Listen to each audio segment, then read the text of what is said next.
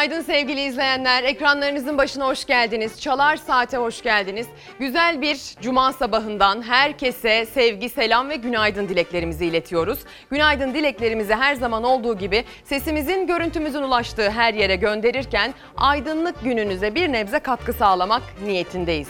Bugün güzel bir güne uyandık. Güneşli bir sabaha uyandık. Yurdun dört bir tarafında pırıl pırıl bir hava var. Bu pırıl pırıl hava bize hep iyi haberler getirsin. Bizim de size iyi haberler verme konusundaki arzumuz birazcık karşılık bulsun. Bekleyip göreceğiz dedik bugün karşınıza çıkarken. Bekleyip göreceğiz dediğiniz ne varsa yazıp gönderebilirsiniz bizlere sevgili izleyenler. Bekleyip göreceğiz başlığının altını gönlünüzden ne geçiyorsa o şekilde doldurabilirsiniz. Twitter ve Instagram üzerinden Ezgi Gözeger adresleri bize bekleyip göreceğiz dediklerinizi yazıp gönderebileceğiniz adreslerdir. Geceden sabaha gelişmeleri derledik. Ee, gecenin özellikle sıcak bir gelişmesi ve önemli bir gelişmesiyle başlayalım istiyoruz. Eskişehir'e bir geçmiş olsun dileği göndereceğiz. Çünkü sabaha karşı 5.19'da Eskişehir'de 4,1 büyüklüğünde bir deprem yaşandı. Saat 5.19'da Eskişehir'in Tepebaşı ilçesinde 4,1 büyüklüğünde deprem kaydedildi. Yerin yaklaşık 11 kilometre derinliğinde meydana gelen deprem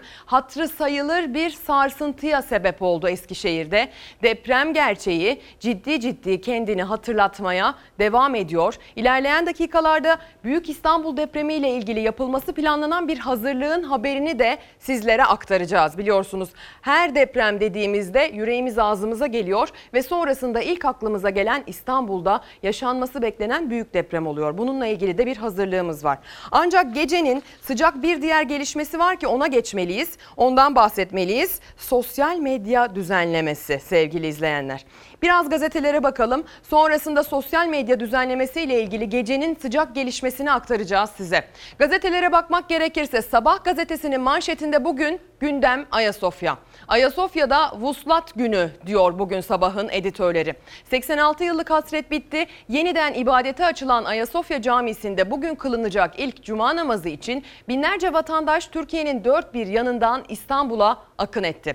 Bursa'dan yürüyerek İstanbul'a gelen Ali Torlak, Nevşehir'den ailesiyle gelen Selahattin Ünal, Şırnak'tan gelen Garbi Akbaba, Kahramanmaraş'tan gelen İbrahim Arık, Süleyman Ülküm Bodrum'dan geliyormuş. Sevgili izleyenler pek çok kişinin Ayasofya'da kılınacak ilk cuma namazı için çok heyecanlı olduğunu ve bununla ilgili hazırlıklarda gelinen son aşamayı da aktaracağız birazdan. Ama önce e, çok konuşulan, çok tartışılan, üzerinde ciddi tartışmaların döndüğü o sosyal medya düzenlemesine bakalım. Gece saatlerinde e, o düzenleme Meclisin Adalet Komisyonu'ndan geçti.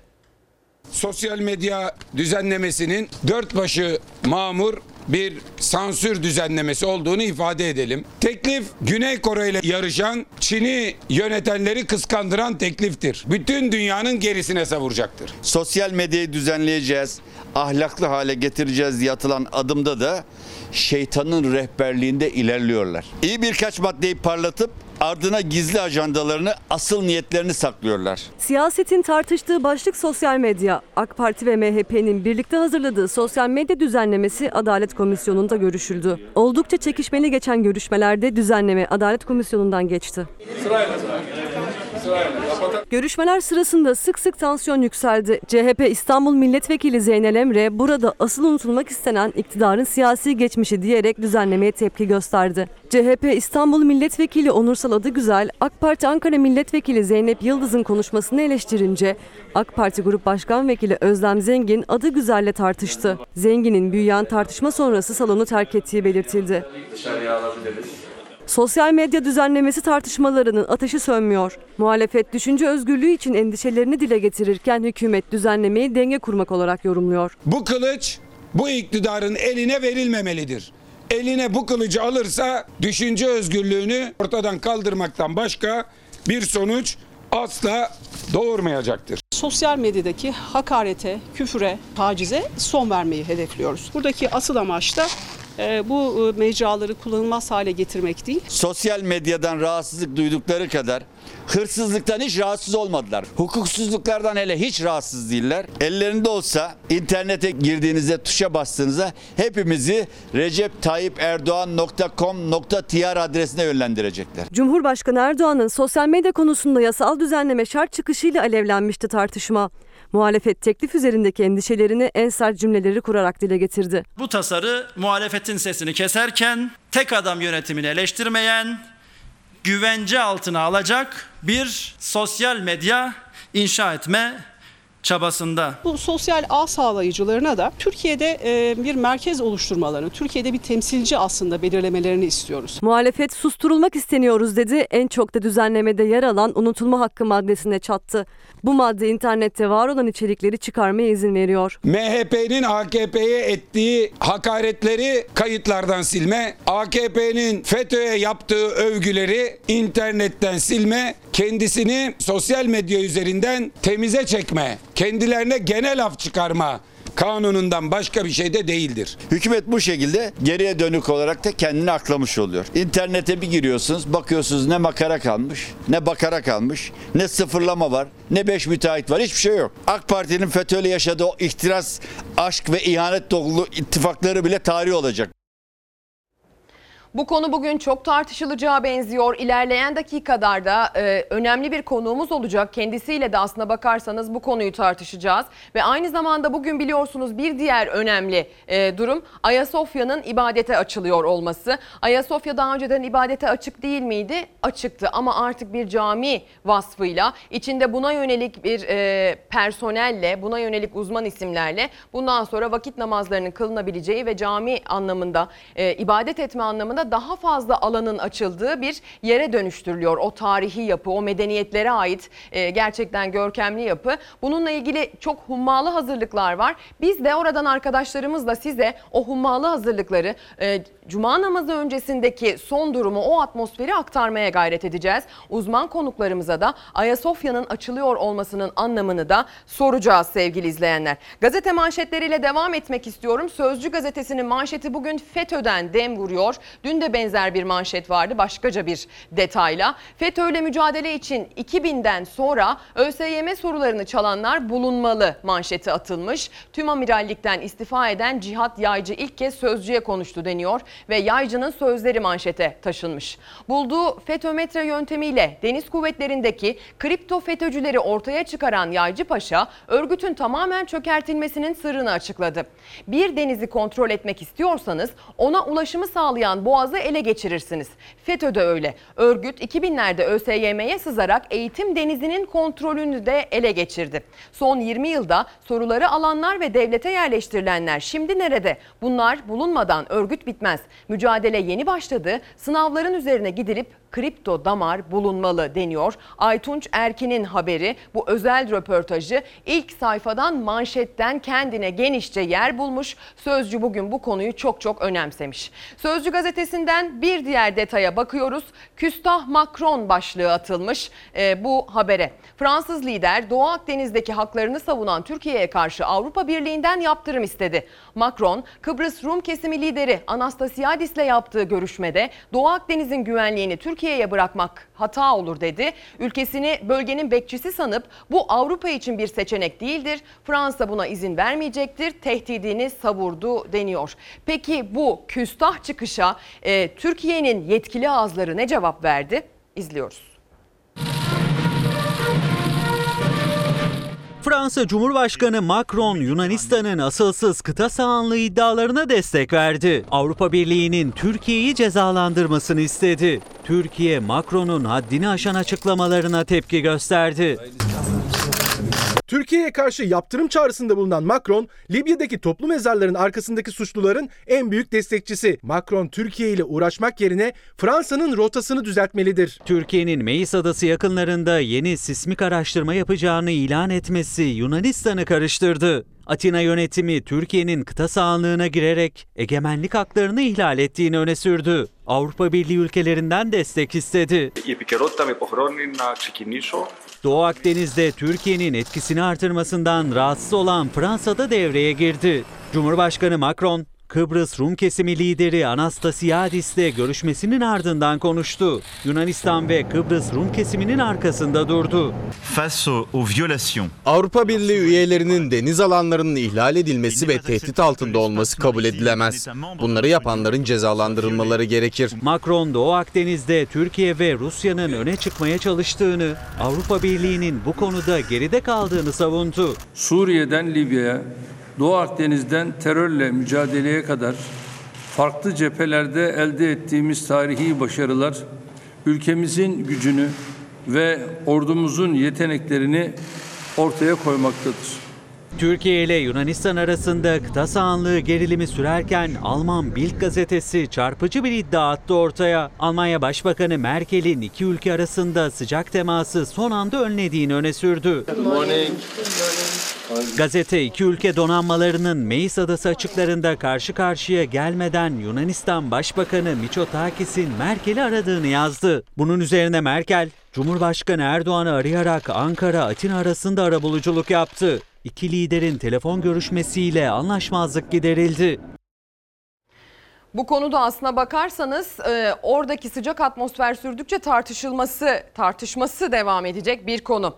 Devam edelim. Sabah gazetesinin manşetinden Ayasofya detayına bakmıştık. Sabah gazetesi sür manşetten bugün Bahar e, Gültekin olayına yine Pınar Gültekin olayına yine yer vermiş. Vahşice öldürülen Pınar Gültekin'in arkadaşları anlattı diyor gazete. Tek hayali kız annesi olmaktı. Sabah eski sevgilisinin kurbanı olan Pınar'ın Akyaka'daki evine gidip arkadaşlarıyla konuştu. Herkesin çok sevdiği genç kızın arkadaşları en büyük hayali evlenmek ve kız çocuğu sahibi olmaktı. Kızının ismini de Gülpin koymak istiyordu dedi ve bu haber ilk sayfadan kendine yer bulmuş. Katil Metin Avcı tek kişilik hücreye kondu şeklinde Metin Avcı'nın bir fotoğrafı da var sürmanşette ve Pınar'dan geriye kalanlar başlığı altında odasında ders notları, okuduğu kitaplar ve kapısında terlikler dikkat çekiyor deniyor. Pınar'ın odasına evine kadar girmiş Sabah gazetesi ve çarpıcı detayları bugün ilk sayfasından eee, göstermiş. Sabah gazetesinin ilk sayfasında bir diğer önemli gelişmenin haberi var. Yaş biliyorsunuz toplandı. Tarihi başarılar gücümüzü gösteriyor başlığıyla bu haber yer almış. Yaş Erdoğan başkanlığında toplandı. Şura öncesi Erdoğan Anıtkabir defterine şunları yazdı. Suriye'den Libya'ya, Doğu Akdeniz'den e, terörle mücadeleye kadar farklı cephelerde elde ettiğimiz tarihi başarılar ülkemizin gücünü ve ordumuzun yeteneklerini ortaya koymaktadır. Yüksek disiplini, vazife şuuru, caydırıcılığı ve üstün kabiliyetleriyle Türk Silahlı Kuvvetleri kem gözlere karşı vatanımızın güvenliği ve bekasının teminatı olmayı sürdürmektedir deniyor. Erdoğan biliyorsunuz yaş kararlarını onadı sevgili izleyenler. E, işte bununla ilgili haberimiz var sırada. Siyasetin çıraklarına da Türkiye emanet edilmez. 24 Haziran seçimleri öncesi Cumhurbaşkanı Erdoğan'ın rakibi Muharrem İnce'yi eleştirirken verdiği bu görüntüsüyle siyasetin tartıştığı bir isim olmuştu. Orgeneral İsmail Metin Temel yaş kararlarıyla emekliye sevk edildi. 15 Temmuz darbe gecesi darbenin seyrini değiştiren isim Zekai Aksakallı'da. Cumhurbaşkanı Yüksek Askeri Şura üyeleriyle sabah atanın huzurunda Anıtkabir'deydi. Cumhurbaşkanının yaş toplantısında 30 general ve amiral kadrosuzluk nedeniyle emekliye sevk edildi. Yaş kararlarıyla emekliye ayrılan komutanlar arasında iki isim dikkat çekti. Onlardan ilki Afrin operasyonunu yöneten isim Orgeneral İsmail Metin Temel. Yiğit odur, her zorluğa katlana. Temel daha çok 24 Haziran seçimleri öncesi Cumhurbaşkanı Erdoğan'ın rakibi Muharrem İnce'yi eleştirirken alkışlamış. Bir anda kendini siyasette apolet sökme tartışmasının göbeğinde bulmuştu. Senin apoletlerini sökmezsem ben de Muharrem İnce değilim. Kafayı Zeytin Dalı Harekatımızın kahraman komutanı Metin Temel Paşa'mıza takmış. Sonrasında Genelkurmay'a Denetleme Değerlendirme Dairesi Başkanlığı'na atanan Orgeneral İsmail Metin Temel, Cumhurbaşkanı imzasıyla yaş kararlarıyla emekli edildi. Listede dikkat çeken bir diğer isim de 15 Temmuz gecesi Özel Kuvvetler Komutanlığı'nı arayarak Şehit Ömer Halis Demir'e darbeci Semih Terzi'yi öldürme emrini vererek darbenin seyrini değiştiren isim olan Zekai Aksakallı oldu. 2017'de 2. Kolordu Komutanlığı görevine atanan Aksakallı Fırat Kalkanı operasyonunu yürütmüş, Elbab'ı IŞİD'den temizleyen isim olarak anılmıştı. O da emekli edildi. Genelkurmay Başkanı ve kuvvet komutanlarındaysa bir görev değişikliği olmadı. Sevgili izleyenler hiç bitmeyen tartışma FETÖ tartışmasıyla devam edeceğiz. CHP Grup Başkan Vekili Özgür Özel'in, e, Mehmet Metiner'in son dönemde bu konuyla ilgili yaptıkları tartışmalar ekrana gelecek. Zaten hiçbir zaman gündemden düşmeyen bir manşet olarak adeta karşımıza çıkıyor FETÖ tartışması. İlerleyen dakikalarda son dönemin en önemli manşetlerinden biri koronadan da çok e, geniş çapta söz edeceğiz. Dünyada, Türkiye'de neler yaşandığına baktığımız gibi e, bu son durumun, son tablonun okullar konusundaki tartışmayı ne noktaya getirdiğini de genişçe ele alacağız. Bekleyip göreceğiz dedik bugün. Bekleyip göreceğiz. Koronavirüs e, nasıl seyredecek? Okullar açılıp açılmayacak mı? FETÖ konusundaki atılan adımlar nasıl karşılık bulacak? Hepsini bekleyip göreceğiz. Bugün Ayasofya açılıyor. Bekleyip göreceğiz sonrasında ne değişecek? Ayasofya açıldıktan sonra yarın sabah Türkiye nasıl bir güne uyanacak? Bunların hepsi zamanla gözler önüne serilecek. Mesajlarınız geliyor. Bekleyip göreceğiz başlığı altında yazan izleyicilerimiz var. Günaydın dileklerini, hayırlı yayınlar, iyi günler dileklerini ileten izleyicilerimiz var. Hepsine teşekkür ederiz. Derya Şeker Tarsus'tan yazıyor. Diyor ki devlet memurları sağlık nedeniyle 65 yaşında zorunlu emekli edilirken bu zorunluluk parti genel başkanlarında, siyasetçilerde, oda, dernek, vakıf ve belediye başkanlarında neden uygulanmıyor diyor. Bilgi, becerili hak eden insanların iş başına gelmesiyle siyasette yer almasıyla yapacağımız iş yoktur. Bilgili, becerili diyor ama e, koltuğu kaptı mı 80 yaşına kadar bırakmıyorlar diyor e, tüm yönetenler için gönderilmiş bir eleştiri. Can Kaynar da ekran başında sağlıklı bir gün diliyor bize teşekkür ederiz. Bekleyip göreceğiz ama görecek pek bir şey kalmadı gibi tüm ortak değerlerimizi yok ettiler eleştirisini yöneltmiş. AK Partili Mehmet Metiner'in son dönemde FETÖ konusundaki çıkışları gerçekten çok dikkat çekiyor. FETÖ'cülerden pişmanlık gösterdi diye görevine iade edilenler var demişti kendisi ve İçişleri Bakanı Süleyman Soylu'yla da bu durum arasında bir gerilime sebep olmuştu. Bunun muhalefet cephesinde de yankıları söz konusu sevgili izleyenler. İzleyip anlamaya çalışalım. Neredeyse iki hafta önce 29 hakim ve savcı FETÖ'cü oldukları için açığa alındılar. 19'u 15 Temmuz sonrasında göreve başlatılmıştır. Beyefendiler pişman olmuş. Edamet getirdiği için bizim göreve getirdiğimiz kimse yok. Öyle sağın solun laflarıyla beraber iş yapacak bir adam da değilim. Bu laflar benim ağrıma gider. Yalan bitmeden doğru konuşmaz beyefendi. Bal gibi FETÖ'cüleri şu anda vali yardımcısı, buz gibi FETÖ'cüleri şu anda kaymakamlıklara atıyorlar. İçişleri Bakanı Süleyman Soylu'nun pişmanlık gösterdi diye görevine iade ettiğimiz FETÖ'cü yok çıkışına CHP Grup Başkan Vekili Özgür Özel yalan söylüyorsun diyerek tepki gösterdi. Tartışma yeniden alevlendi. Bu hükümet FETÖ'nün kökünü kazıyor diyenler etkin pişmanlıktan yararlananların nasıl atandıklarını tekrar görsünler. İsimler var bizde. Nedamet gösterdiler. Sahiplenmemiz lazım. Kazanmamız mantığı adı altında eğer bu tür atamalar, tayin ve terfiler yapılırsa FETÖ ile mücadele konusunda yeniden zafiyet yaşayabilir. Bu sözleri hak ediyor değiliz. Bir tek FETÖ'cü göreve gelmiş ve bu söylenmiyorsa bu ülkemize ihanettir. Ben getirmişsem ben ihanet ediyorum ülkem. Çok üzüldüğümü ifade etmek istiyorum. Müsaade eder misiniz? Ben müsaade falan etmiyorum. Aynı Sizden şekilde müsaade devam. istemiyorum. FETÖ'cülerin göreve getirildiği iddiası yönündeki tartışma AK Partili Mehmet Metiner'in açıklamaları ve İçişleri Bakanı Süleyman Soylu'nun canlı yayına bağlanıp yanıt vermesiyle başlamıştı. O tartışmadan yaklaşık 5 gün sonra Sözcü gazetesi iddiaları manşetine taşıdı. FETÖ itirafçısı olan 3 vali yardımcısı 2 kaymakamın görevlerine iade edildiğini iddia etti. Ömer Faruk Yüce ve Hidayet Sarı kaymakam olarak, Yakup Ömeroğlu, Mevlüt Özmen ve Müfit Gültekin vali yardımcısı olarak atandılar. Bunların hepsi FETÖ'cülükten dolayı açığa alınmıştı, yargılanmışlardı. Bu laflar benim ağrıma gidiyor. Kurumumuzun da gider. Ömer Faruk Yüce ve Yakup Ömeroğlu Pensilvanya'da bizzat Oze'yi ziyaret etmişti. Diyor ki etkin pişmanlıktan yararlanmak istiyorum. FETÖ örgütünde yer aldım. Çalışmalarına katıldım. Ziyaretine gittim ama pişmanım. Bildiklerimi anlatayım siz de beni affedin. CHP Grup Başkan Vekili Özgür Özel de Sözcü gazetesinin haberinde yer alan isimler üzerinden yüklendi İçişleri Bakanı'na.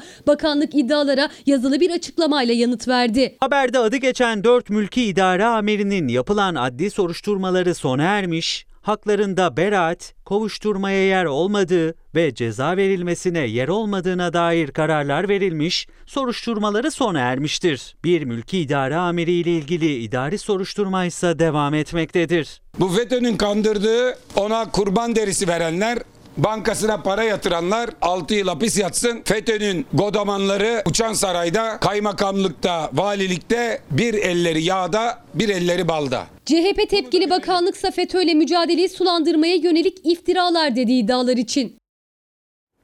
Sevgili izleyenler çokça mesaj gönderiyorsunuz. Ayasofya'nın bugün e, ibadete açılıyor olması, ilk cuma namazıyla bugün genişçe bir organizasyonla bugün ibadete açılıyor olması ile ilgili mesajlar da geliyor. Günün gündeminin getirdiği başkaca detaylar da mesajlarınıza yansıyor. İstanbul Sözleşmesi çıktığı günden beri kadın cinayetleri gün gün arttı. Bu sistem ne kadar doğru acaba? Gözden geçirilmeli, bekleyip göreceğiz demiş Yakup Turgut. Ancak İstanbul Sözleşmesi ile ilgili eleştiri yönelt, yöneltenlerin e, en başta söylediği şey e, her ne kadar taraf olsak da bunun uygulanmadığı yönünde zaten. Eğer uygulanırsa gerçekten işe yarayacak şeklinde e, biliyorsunuz eleştiriler var. Bir de bunun üzerine kaldırsak mı acaba tek taraflı fesih mi etsek tartışmaları gün yüzüne çıktı ve Pınar Gültekin cinayetiyle aslında bugünden bir araya geldiğinde ciddi bir tepki duvarı oluştu. Bu kaldıralım mı, tek taraflı feshedelim mi e, tartışmasına yönelik. Ayasofya'nın daha 7 yıl müze olarak işletilmesi anlaşması ortada duruyorken ibadete açılması diye gönderilen mesaj Erol Ergen tarafından gönderilmiş. E, işletmeci şirkete ne kadar cayma bedeli ödeyeceğiz bekleyip göreceğiz diye yazmış göndermiş mesajını. Ayasofya müze olduğu son zamanlara kadar tarihi dokularıyla bizlerin ve birçok turistin hayran olduğu tarihi eserdir. Müzeye girerken en son 70 lira ödeme yapıyorduk ve bu paralar devletin ekonomisine aktarıyordu, aktarılıyordu. Niye elimizin tersiyle ittik bu geliri deniyor Demirci Filiz. Çünkü başka öncelikler, başka hassasiyetler öne geçti belli ki. Kafkas Kartalı kullanıcı adıyla bir izleyicimiz Fox ailesine mavi sabahlar dileyerek başlamış mesajına. Sırayla bekleyip göreceğiz. 2020 bitmeden daha neler gelecek başımıza diye yazmış. İsterseniz Karar Gazetesi'nden devam edelim manşeti anlamaya. Bugün Karar Gazetesi'nin ilk sayfasında bakın depremle ilgili bir detay var. Harcanacak tek kuruş varsa yeri kanal safsatası değil depremdir. Sözler İstanbul Büyükşehir Belediye Başkanı Ekrem İmamoğlu'na ait. İBB Başkanı İstanbul'da çürük yapıların tespitine yönelik tarama projesi başlattı. Deprem tehlikesine dikkat çeken İmamoğlu Kanal İstanbul mesajı verdi. Bu şehre harcanacak her kuruşun yeri depremdir. Kanal safsatası değildir. Depreme önlem yerine başka yere para harcamak millete ihanet sözleri e, İBB Başkanı Ekrem İmamoğlu'na ait. Bir yapı tespit projesi var İstanbul'la ilgili. 1 milyon 200 bin binanın mega kentteki tüm binaların 3 yıl içinde tamamen ve tek tek taranması plan, planlanıyor. İstanbul'da 7,5'luk bir deprem bekliyoruz. Binalara tek tek deprem taraması yapılacak. Yapıların depreme hazırlıklı olup olmadığı tespit edilecek. Tüm binaların 3 yıl içinde taranması hedefleniyor. Devlet bu şekilde bir adım atsın bize. Çoluğumuza çocuğumuza acısın. Deprem gerçeği her gün irili ufaklı sarsıntılarla kendini hatırlatıyor. Uzmanlar olası İstanbul depreminin yıkıcılığının büyük olacağını söylüyor. Kanal İstanbul tartışmalarıyla başa baş giden İstanbul'un deprem için hazırlanması tartışması yine gündemde. Minimum 7.3'lük deprem geliyor. Şakası yok. Kanal İstanbul'un çok bilimsel e, içeriklerle dolu bir kitabı çıktı. Naci Hoca'nın aslında bu görüşleri var. E, büyük bir tehdit. Yani e, işte tsunami etkisi, o bölgedeki kaygan zeminin yaratacağı ilave tehditler. Çünkü orada bir yapılaşma düzenleniyor. İstanbul Büyükşehir Belediyesi mega kentteki binaları tek tek taramaya hazırlanıyor. Deprem risk analiz çalışması hızlı tarama yöntemleri projesi kapsamında ilk taranacak ilçeler riski nispeten yüksek olanlar Avcılar ve Silivri. Başımıza yıkılacak diyen korkuyorum. Sabaha kadar uyumuyoruz. Kopmuş olduğunu göreceksiniz ve için acı tarafı biz buna bir muhatap bulamıyoruz. Deprem seferberlik eylem planı doğrultusunda şehirdeki konutların dayanıklılığı ölçülecek. İstanbul'da bulunan 1 milyon 200 bin binanın 3 yıl içinde taranması hedefleniyor. Detayları zamanla ortaya çıkacaktır. Bekleyip göreceğiz sevgili izleyenler. Diyelim ki sizin binanız depreme dayanıksız çıktı. Yani bu projenin o aşamasında nasıl bir e, adım atılacak? Bunun da zamanla ortaya çıkması e, gerekir diye düşünüyoruz. Karar Gazetesi'nden bir diğer detayla devam edelim. Karar Gazetesi'nin bir diğer detayı Ayasofya diyor. Ayasofya ilk namazı bekliyor. Maskenizi ve sabrınızı alıp gelin başlığı atılmış. Ayasofya Camii'nde bugün kılınacak ilk namaz için hazırlıklar tamamlandı. Vali Yerlikaya vatandaşlara yanınızda maske, seccade, sabır ve anlayışınızı getirin çağrısında bulundu. İlk profesör imam başlığı atılmış. Ayasofya'da ilk cuma coşkusu İstanbul Valisi Ali Yerlikaya namaz alanına girişte ateş ölçümü ve maske kontrolü yapılacağını söyledi. Diyanet İşleri Başkanı Ali Erbaş da 3 imam ve 5 müezzin atandığını bildirdi. İlk kez bir profesör cami imamlığına atanırken Profesör Doktor Mehmet Boynukalın, Ferruh Müştüer, Bünyamin Topçuoğlu'nun ismini duyurdu e, Diyanet İşleri Başkanı. Öte yandan Kılıçdaroğlu'nun ardından Akşener'de virüs karantinasında bulunduğunu belirtti. Namaza katılamayacağını duyurdu deniyor. İBB tek kullanımlık seccade dağıtacak başlığı altındaysa şöyle detaylar var. Ayasofya'da e, sala ve tekbirlerle başlayacak program öncesi İBB'de bir dizi önlem aldı. Güzergahta 25 otobüsle ücretsiz ring seferi yapacak. İspark ücretsiz hizmet verecek. Alanda 25 biner adet su, maske, dezenfektan, tek kullanımlık seccade dağıtılacak deniyor. İBB konuyla ilgili desteğini bu şekilde sunmaya hazırlanıyor. Peki başka hangi hazırlıklar var? İzleyelim. Allahu Ekber, Allahu Ekber. Allahu Ekber, Allahu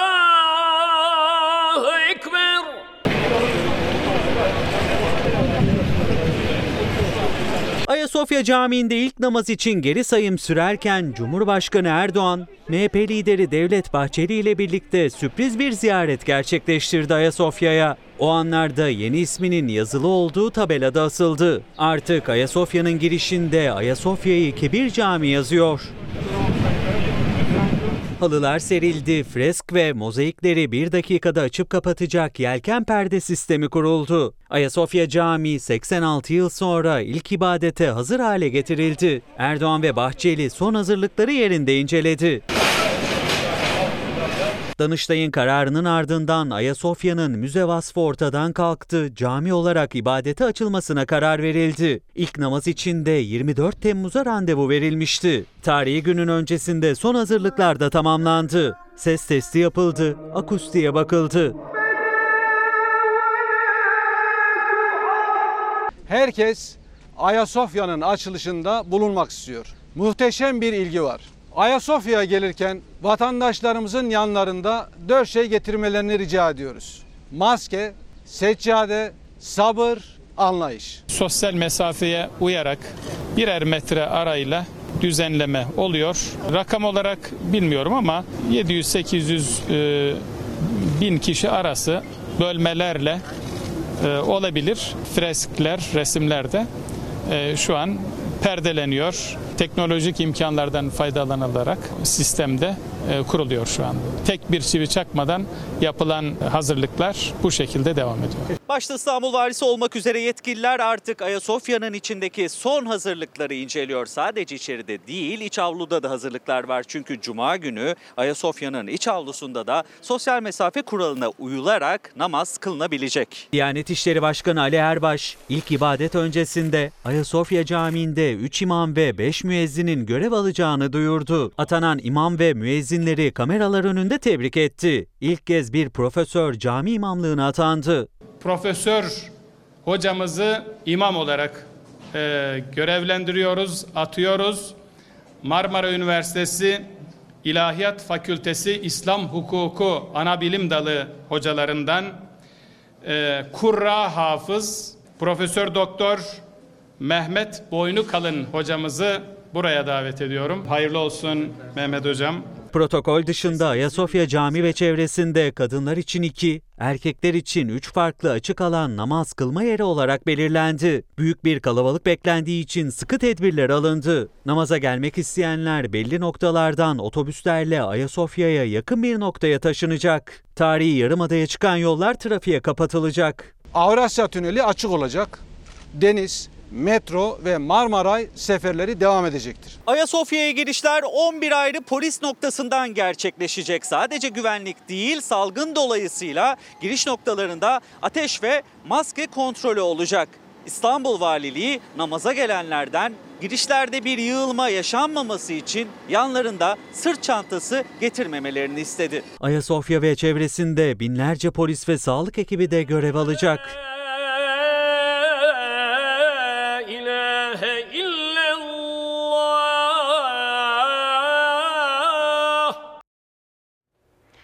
Ayasofya'da gece saatlerinde de hazırlıklar sürdü. Bunun haberini de size aktaracağız ama gazeteler bu olayı nasıl görmüş, bugünü nasıl değerlendirmiş onu da bir e, inceleyelim. Milli Gazete'nin sür manşetinde Ayasofya konusu. Ayasofya Camii Şerifi Kur'an-ı Kerim tilavetiyle açılacak deniyor Milli Gazete'nin sür manşetinde. Ayasofya Camii Şerifi'nde 86 yıl aradan sonra bugün kılınacak cuma namazı öncesi sela ve tekbirlerle başlayacak programda Kur'an Kur'an-ı Kerim tilaveti yapılacak. Diyanet İşleri Başkanlığı'ndan yapılan açıklamaya göre sabah 10'da sela ve tekbirlerle başlayacak programda Kur'an-ı Kerim okunacak deniyor. İmamların isimlerinin açıklandığını ayrı bir başlık altında değerlendirmiş ki haberimizde de o imamların, o görevlilerin isimleri, titirleri hepsi yer almıştı. Türkiye'nin seçkin hafızları ilk olarak birinci cüzü okuyacak. Ardından Kehf suresi, Meryem suresi, Yasin suresi, Fetih suresi ile kısa surelerden İhlas, Felak ve Nas'ı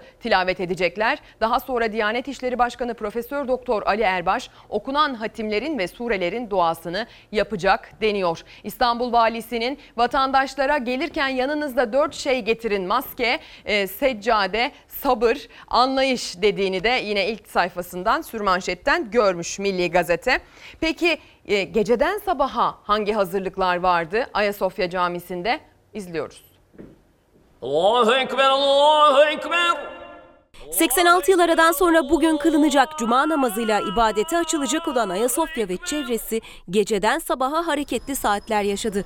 Bir yanda devam eden hazırlıklar, bir yanda alınan sıkı güvenlik önlemleri varken sabah namazı için gelen vatandaşlar bölgeye alınmadı. Namazı güvenlik noktalarında kıldı. Gece boyu sürdü çalışmalar. Öğle saatlerinde camiyi ziyaret eden İstanbul Valisi Ali Yerlikaya ve İstanbul İl Emniyet Müdürü Zafer Aktaş gece saatlerinde de son hazırlıkları inceledi. İçeride akustik ses testi yapılırken dışarıda da güvenlik önlemleri titizlikle alınıyordu. Galata Köprüsü'nün giriş çıkışları trafiğe kapatıldı. Meydana çıkan yollarda. Akşam saatlerinde Sultanahmet Meydanı'na akın eden vatandaşlar yolların kapatılmasıyla alan dışına çıkarıldı. Cami şerefelerle aydınlatıldı. Yerlere sosyal mesafeyi gösteren uyarılar yerleştirildi. Sabah namazıyla birlikte tekrar dolmaya başladı cami çevresi. Namaz kılmaya gelenler güvenlik gerekçesiyle alana alınmadı. Ellerinde seccadelerle gelen vatandaşlar caminin bulunduğu bölgedeki güvenlik noktalarında durduruldu. Bazı vatandaşlar başka camilere giderken bazıları güvenlik noktalarında saf tutarak namaz kıldı. Sadece İstanbul'da değil, yurdun pek çok ilinde de hazırlık vardı. Ankara Mamak Belediyesi'nden 1453 kişi cuma namazına katılmak üzere yola çıktı.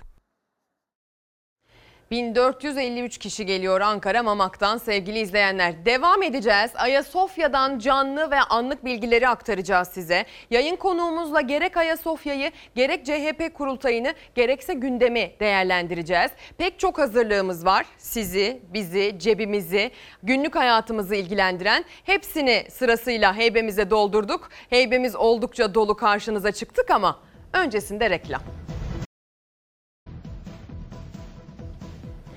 Günaydın sevgili izleyenler. Ekranlarınızın başına bir kez daha hoş geldiniz. Çalar Saat tüm hızıyla devam ediyor. Siz de e, bize mesaj göndermeye devam ediyorsunuz. Hepsi için teşekkürler. Mesaj yazıp gönderen, katkısı, katkısını sunan her izleyicimize e, Allah dert vermesin ellerinize diye bir dua da edelim. Güzel mesajlar var. Nabi Bey ekran başında e, hayırlı sabahlar demiş. Bekleyip göreceğiz. Allah her şeyin hayırlısını versin. Her şeyin başı sağlık demiş. Biz de tam olarak sağlığımızdan bahsetmeye niyetlendik. Şimdi şu an itibariyle. Koronavirüs diyeceğiz tabii ki sağlık dendiği zaman bugünlerde aklımıza ilk gelen koronavirüs çünkü. Bugün itibariyle Bir Gün Gazetesi ilk sayfasından genişçe e, bu başlığa yer vermiş. Bu skandallar sağlığı bozar. Bakanlık yerli kit ve rüşvet iddialarıyla çalkalanırken süreci çok iyi yönettiği iddia edilen Bakan Koca'dan ses yok. Salgın sürecini çok iyi yönettiği ileri sürülen Sağlık Bakanlığı'nda peş peşe skandallar yaşanıyor. Bakanlık yerli kit olarak tanıtılan koronavirüs testinin doğruluğunun %40 olduğu ve ABD'li ilaç şirketi Alexion'un milyonlarca rüşvet aldığı yolsuzluk iddiasıyla kaynıyor. Aylardır rüşvet iddialarına dair tek bir açıklama yapmayan bakanlık test kiti skandalına dair günler sonra açıklama yaptı. İddiaları yalanlayarak geçiştirdi. CHP'li Şevkin iktidarın hala bir açıklama yapmadığı Türkiye'deki 1,3 milyon dolarlık rüşvet skandalını meclise taşıdı. Ankara Tabip Odası Başkanı Bulut testlerin FDA onaylı olmadığını, bu testlerin kalite kontrol onaylı olmadığını defalarca söyledik. Bu testlerin tanesi 4 dolardan alınıyordu.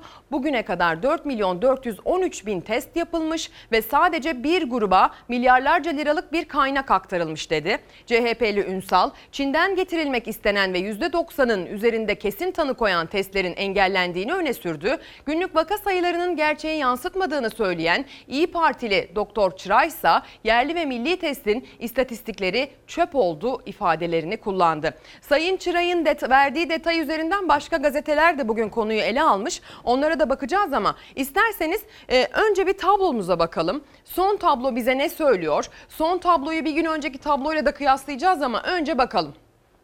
43.343 testin 913 tanesi bize bugün koronavirüs demiş. 23 Temmuz 2020'nin tablosu öyle söylüyor. Vefat sayısı 18 olarak gerçekleşmiş. Sakın bu sayıyı azımsamayalım. Sakın bu sayılar, bu vefatlar, bu durum bize normal gelmesin. 18 can demek 18 kişi için verilen sağlık mücadelesi, sağlıkçıların, doktorların, hastane personelinin onlar için e, canhıraş çalışması demek. Aynı zamanda geride kalmış aileler, acılı yürekler demek sevgili izleyenler. Yitip giden hayatlardansa hiç bahsetmiyorum. Yaşamlar bitiyor.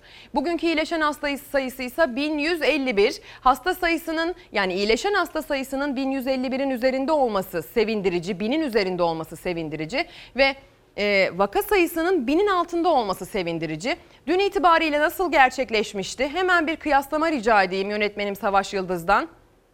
22 Temmuz'la 23 Temmuz'un tablolarını yan yana görmek mümkün. Test sayısı 43 bin civarında her iki günde de. Vaka sayısı ise 902'den 913'e yükselmiş son tabloda. Vefat sayısı 19'muş dün ve son olarak 18 gerçekleşmiş. 1203 kişinin iyileştiği 22 Temmuz tablosundan 23 Temmuz'a geçerken 1151 kişinin iyileştiğini görüyoruz. Her zamanki gibi yine yoğun bakım ve entübe hasta sayılarına da bakacağız. Yoğun bakım hasta sayısı 1244 44'müş 22 Temmuz'da. 23 Temmuz'da yani dünse yoğun bakım hasta sayısı 1251'e yükselmiş. Biliyorsunuz düzgün doğrusal bir artış söz konusu 1 Haziran'dan itibaren yoğun bakım artış e, hasta sayılarında. Bu artışı 1 Haziran itibariyle baş, başlayan kontrollü sosyal hayatın tetiklediği söyleniyor. Toplam entübe hasta sayısı 381 iken 378'e gerilemiş. 3 kişiyi e, entübe olmaktan kurtarmış sağlık çalışanlarımız. Hadi gelin konuyla ilgili haberimizi izleyelim. Aktif vaka sayımızın %10'undan fazlasının e, yoğun bakımda yattığını görüyoruz. Bu normal bir oran değil. Çünkü dünya ortalaması şu anda %1.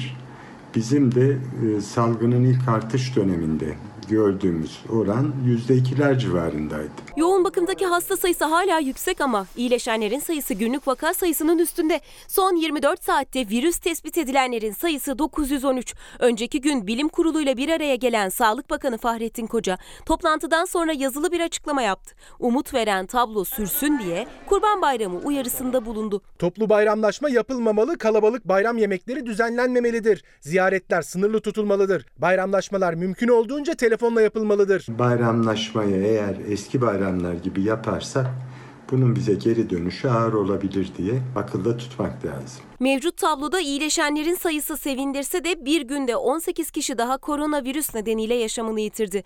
Enfeksiyon Hastalıkları Derneği Başkanı Profesör Doktor Mehmet Ceyhan'a göre salgının kontrol altına alınamamasının sebebi sadece belirtisi olana test yapılması. Virüs taşıyan, bulaştırma potansiyeli yüksek olan kişi sayısı bizim tahminlerimizden daha fazla olabilir. Market çalışanları, bankacılar, toplu taşıma araçlarının şoförleri. Profesör Ceyhan'a göre belirti göstermeseler de sık sık test yapılması gereken meslek grupları var.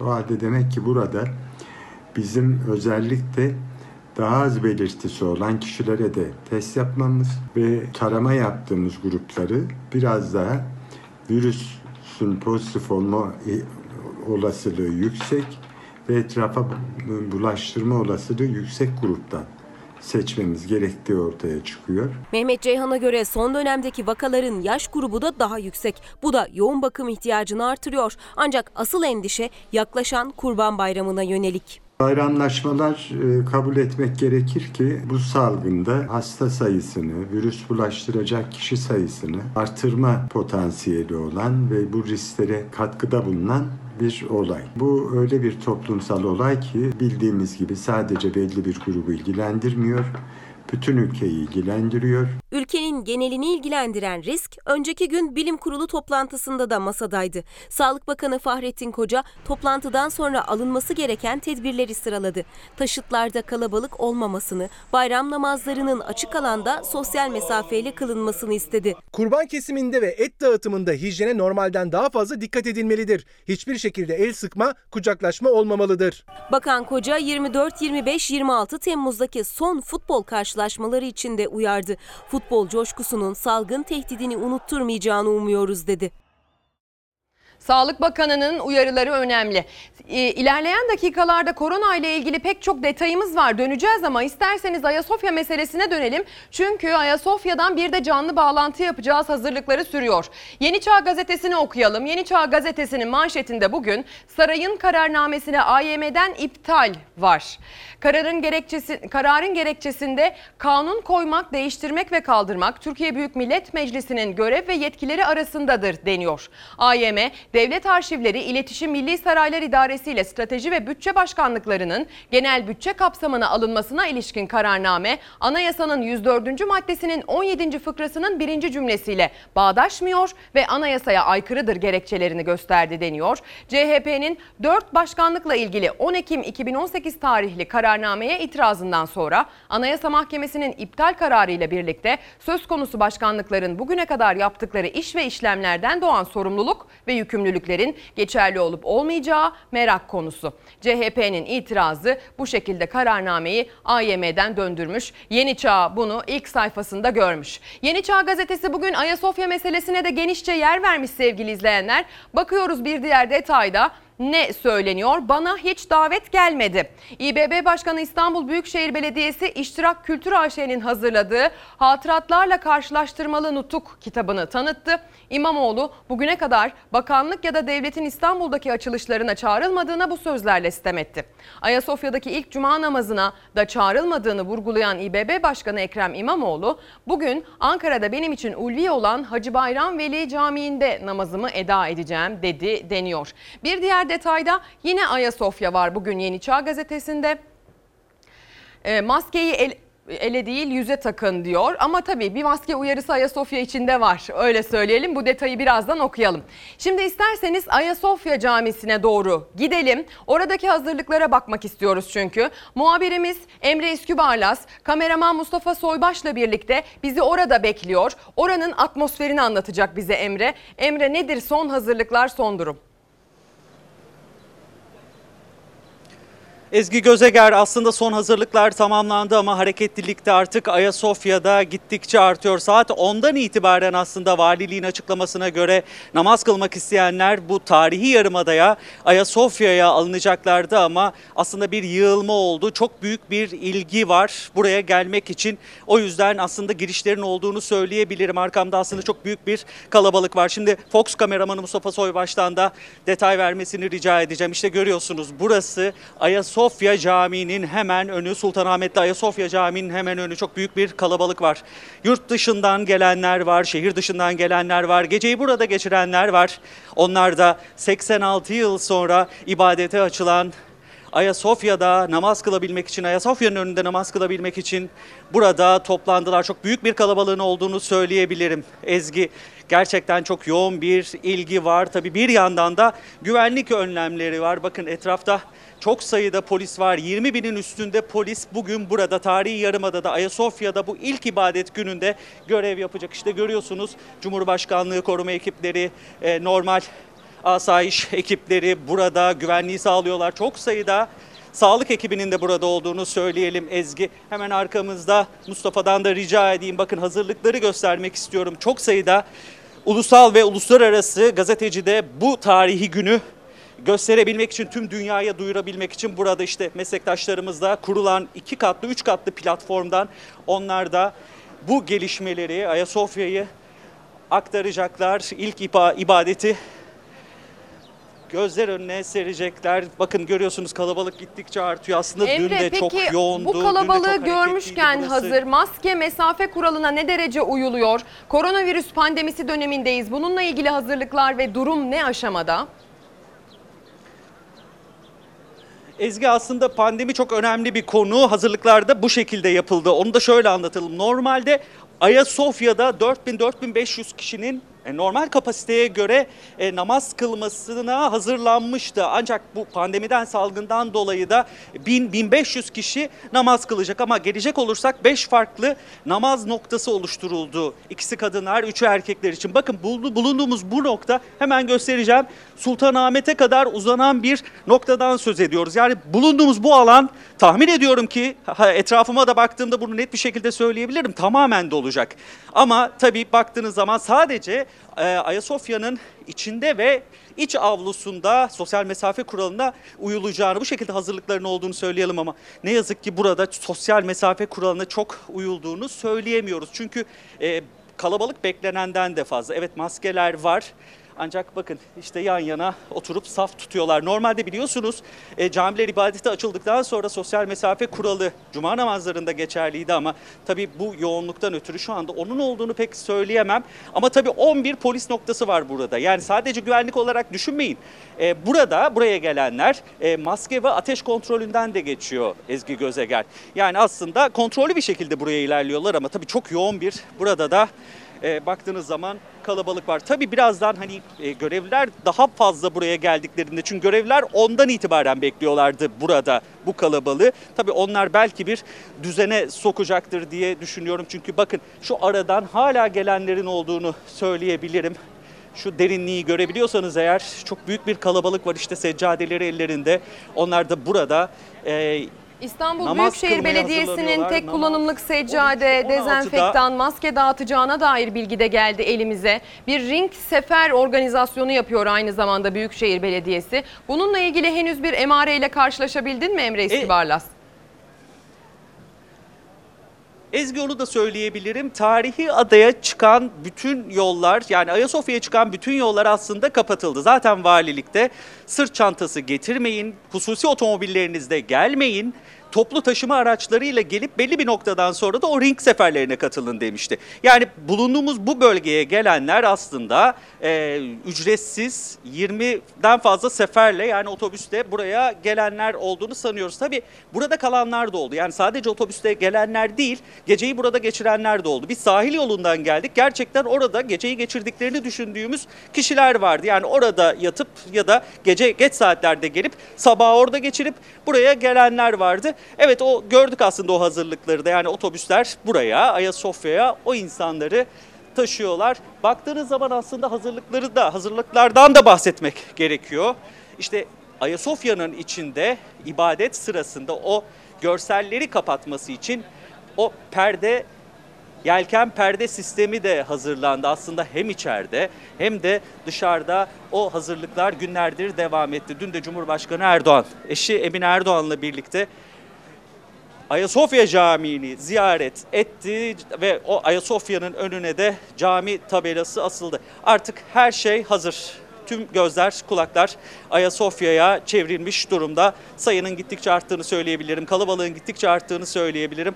Artık Ayasofya'da cuma namazıyla birlikte, kılınan o namazla birlikte ibadete açılmış olacak Ezgi Gözeger. Ekibimizden iki arkadaşımız Emre İskübarlas ve Mustafa Soybaş Ayasofya Camisi önündeki son hazırlıkları, o atmosferi izlemeye, dinlemeye devam edecekler. Emre çok teşekkürler verdiğin bilgiler için. İlerleyen dakikalarda biz de o atmosferi orada oradaymışçasına, oradaymışçasına yaşamak için onlardan bilgi almayı sürdüreceğiz sevgili izleyenler. Ne diyorduk? Koronadan bahsediyorduk. Aslında koronadan bahsetmediğimiz bir durum yok. Bakın Ayasofya Camii'sinin bahçesinde, dış avlusunda dahi e, bir kalabalık gördüğümüz zaman hemen ne diyoruz? korona diyoruz. Şimdi il il gezeceğiz. Koronavirüs konusunda e, kah uyarı alanlar, kah tedbirleri hiçe sayanlar, e, Antalya'dan, Gaziantep'ten, Şanlıurfa'dan, Kocaeli'den pek çok farklı ilden ve ilçeden koronavirüs haberleri geliyor.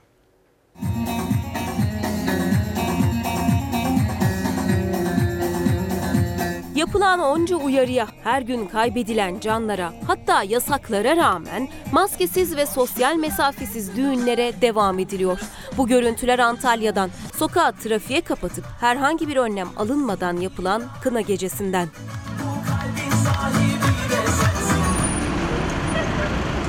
Sokakta vatandaşın inisiyatifine kalan önlemler gevşetilince yetkililer harekete geçiyor. Sağlık Bakanı son rakamları açıkladığı sosyal medya paylaşımında son 3 günde vaka sayısı en çok artan illeri sıraladı. Ankara, Konya, Şanlıurfa, Batman, Adana, Kayseri, Erzurum. Özellikle o illerde Kurban Bayramı yaklaşırken denetimler sıklaştırıldı. Şanlıurfa'da ekipler sosyal mesafe kuralına uymayıp maske takmayanlara ceza yağdırdı. Sadece Şanlıurfa değil, Gaziantep'te 3227 kişiye, Bolu'da 802 kişiye toplam 721.800 lira para cezası kesildi. Ankara Mamak'ta zabıtalar iş yerlerini denetledi. Gerekli önlemleri almayan iş yeri sahipleri uyarıldı. İyi günler. Evli misiniz? Maalesef. Ayrılmanız gerekiyor. Vallahi mı? Boşayım mı? Anladın mı boşayım? O şekilde değil. Sosyal mesafeye uymamız gerekiyor. Ha sen o, o anlamda.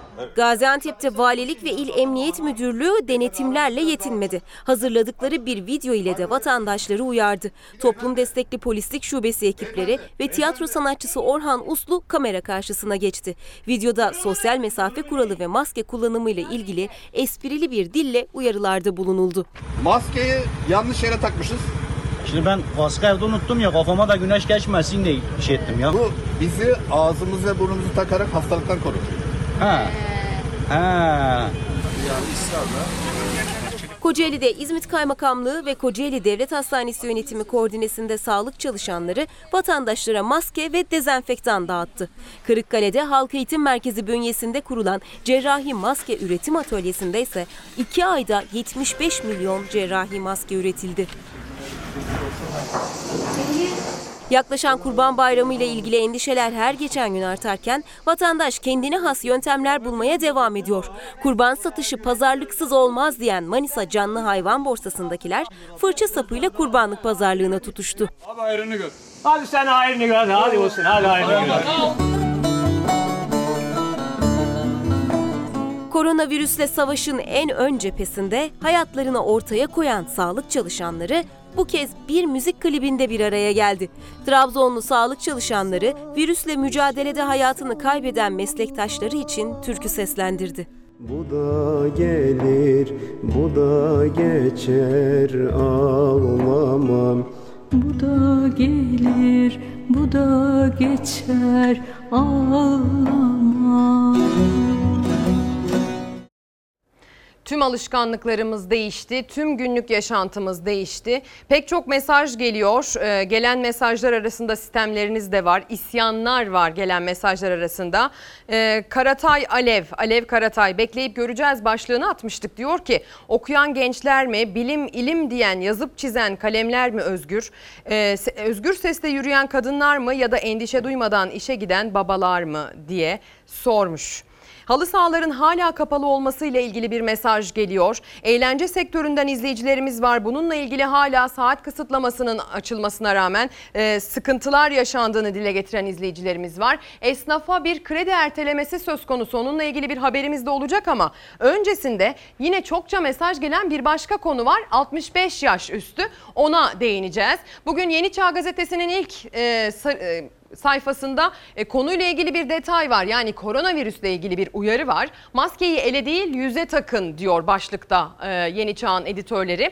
Uyarılara rağmen sorumsuz kişilerin maskelerini kollarına takıp ellerine alması veya çene altına kullanması tepkilere neden oluyor. Maske takmayanlar sıcak havayı gerekçe gösteriyor denmiş. Devam edelim. Bir diğer gazetenin yine koronavirüsle ilgili detayına bakacağız. Milli Gazete Dünya Sağlık Örgütü'nün e, bir detayını aktarmış ilk sayfadan. E, DSÖ'den korkutan açıklama aşıyı 2021'den önce beklemeyin.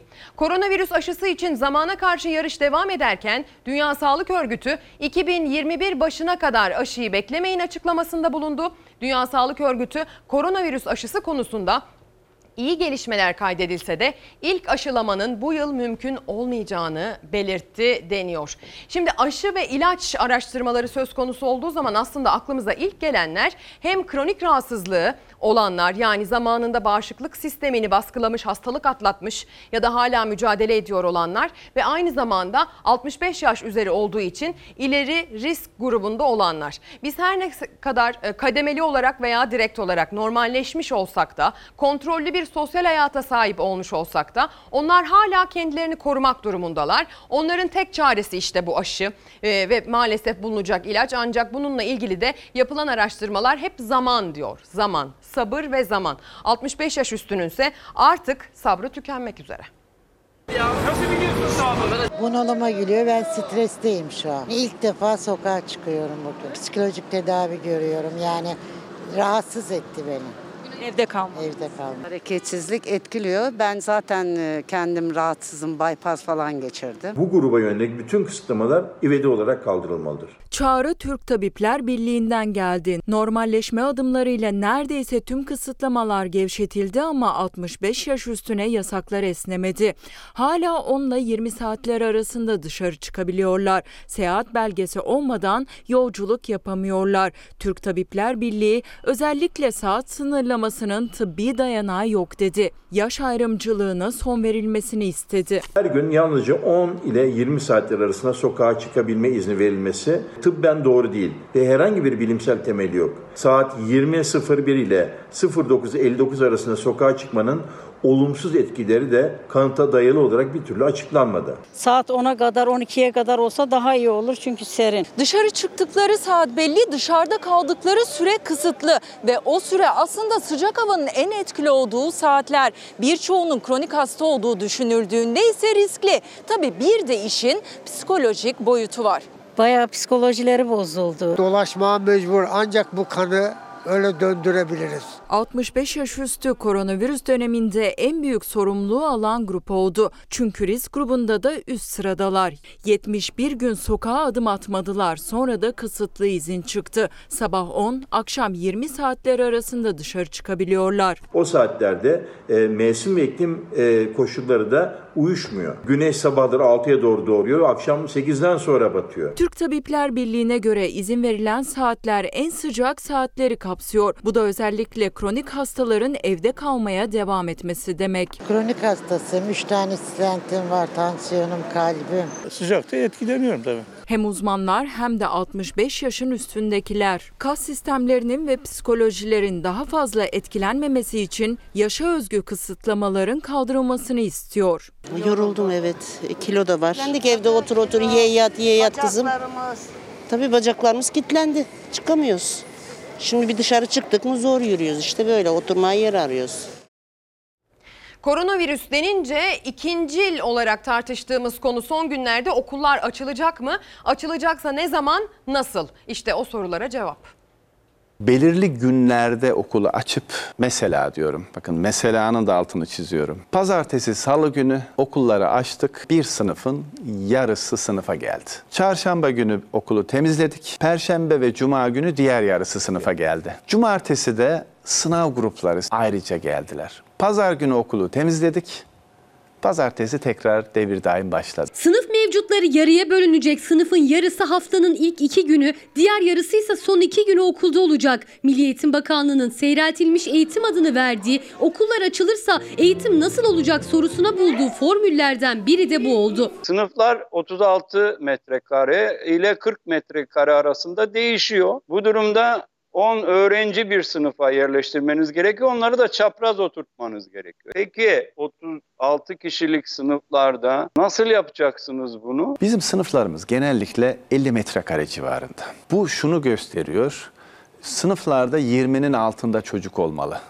Ve o aralıklar kenarlara sıralar yayılarak yapılmalı. Bunu yapacağız. Nasıl yapacağız? Sınıfın yarısı gelirse 15 kişi gelsin. 15 kişiyi ben o sınıfa oturturum. Günlerce tartışıldı okulların 31 Ağustos'ta açılıp açılmayacağı, açılması halinde Sağlık Bakanlığı'nın şart koştuğu kriterlere yani fiziki ölçümlere ne kadar hazır olduğu, eğitimcilerin itirazlarına Milli Eğitim Bakanı Selçuk da ilk kez aynı çizgide cümleler kurdu. Verdiği detaylar olası senaryolardan biri olan seyreltilmiş eğitimi işaret eder gibiydi. Ders seyreltmesi olarak belirli günleri devreye sokarak buna seyreltilmiş diyoruz. Milli Belirli Eğitim günleri Bakanı Ziya Selçuk sokarak CNN Türk'te tarafsız bölge programında Ama konuştu. Dört farklı bu- eğitim senaryosunu anlattı. İlki okulların tamamen açılması, diğeri tamamen kapatılması ve bu süreçte öğrencilerin uzaktan eğitim almaya devam etmesi. Ama bakanın sosyal mesafeye vurgu yaparken kurduğu bir cümle üçüncü senaryonun yani seyreltilmiş eğitim modelinin masadaki en kuvvetli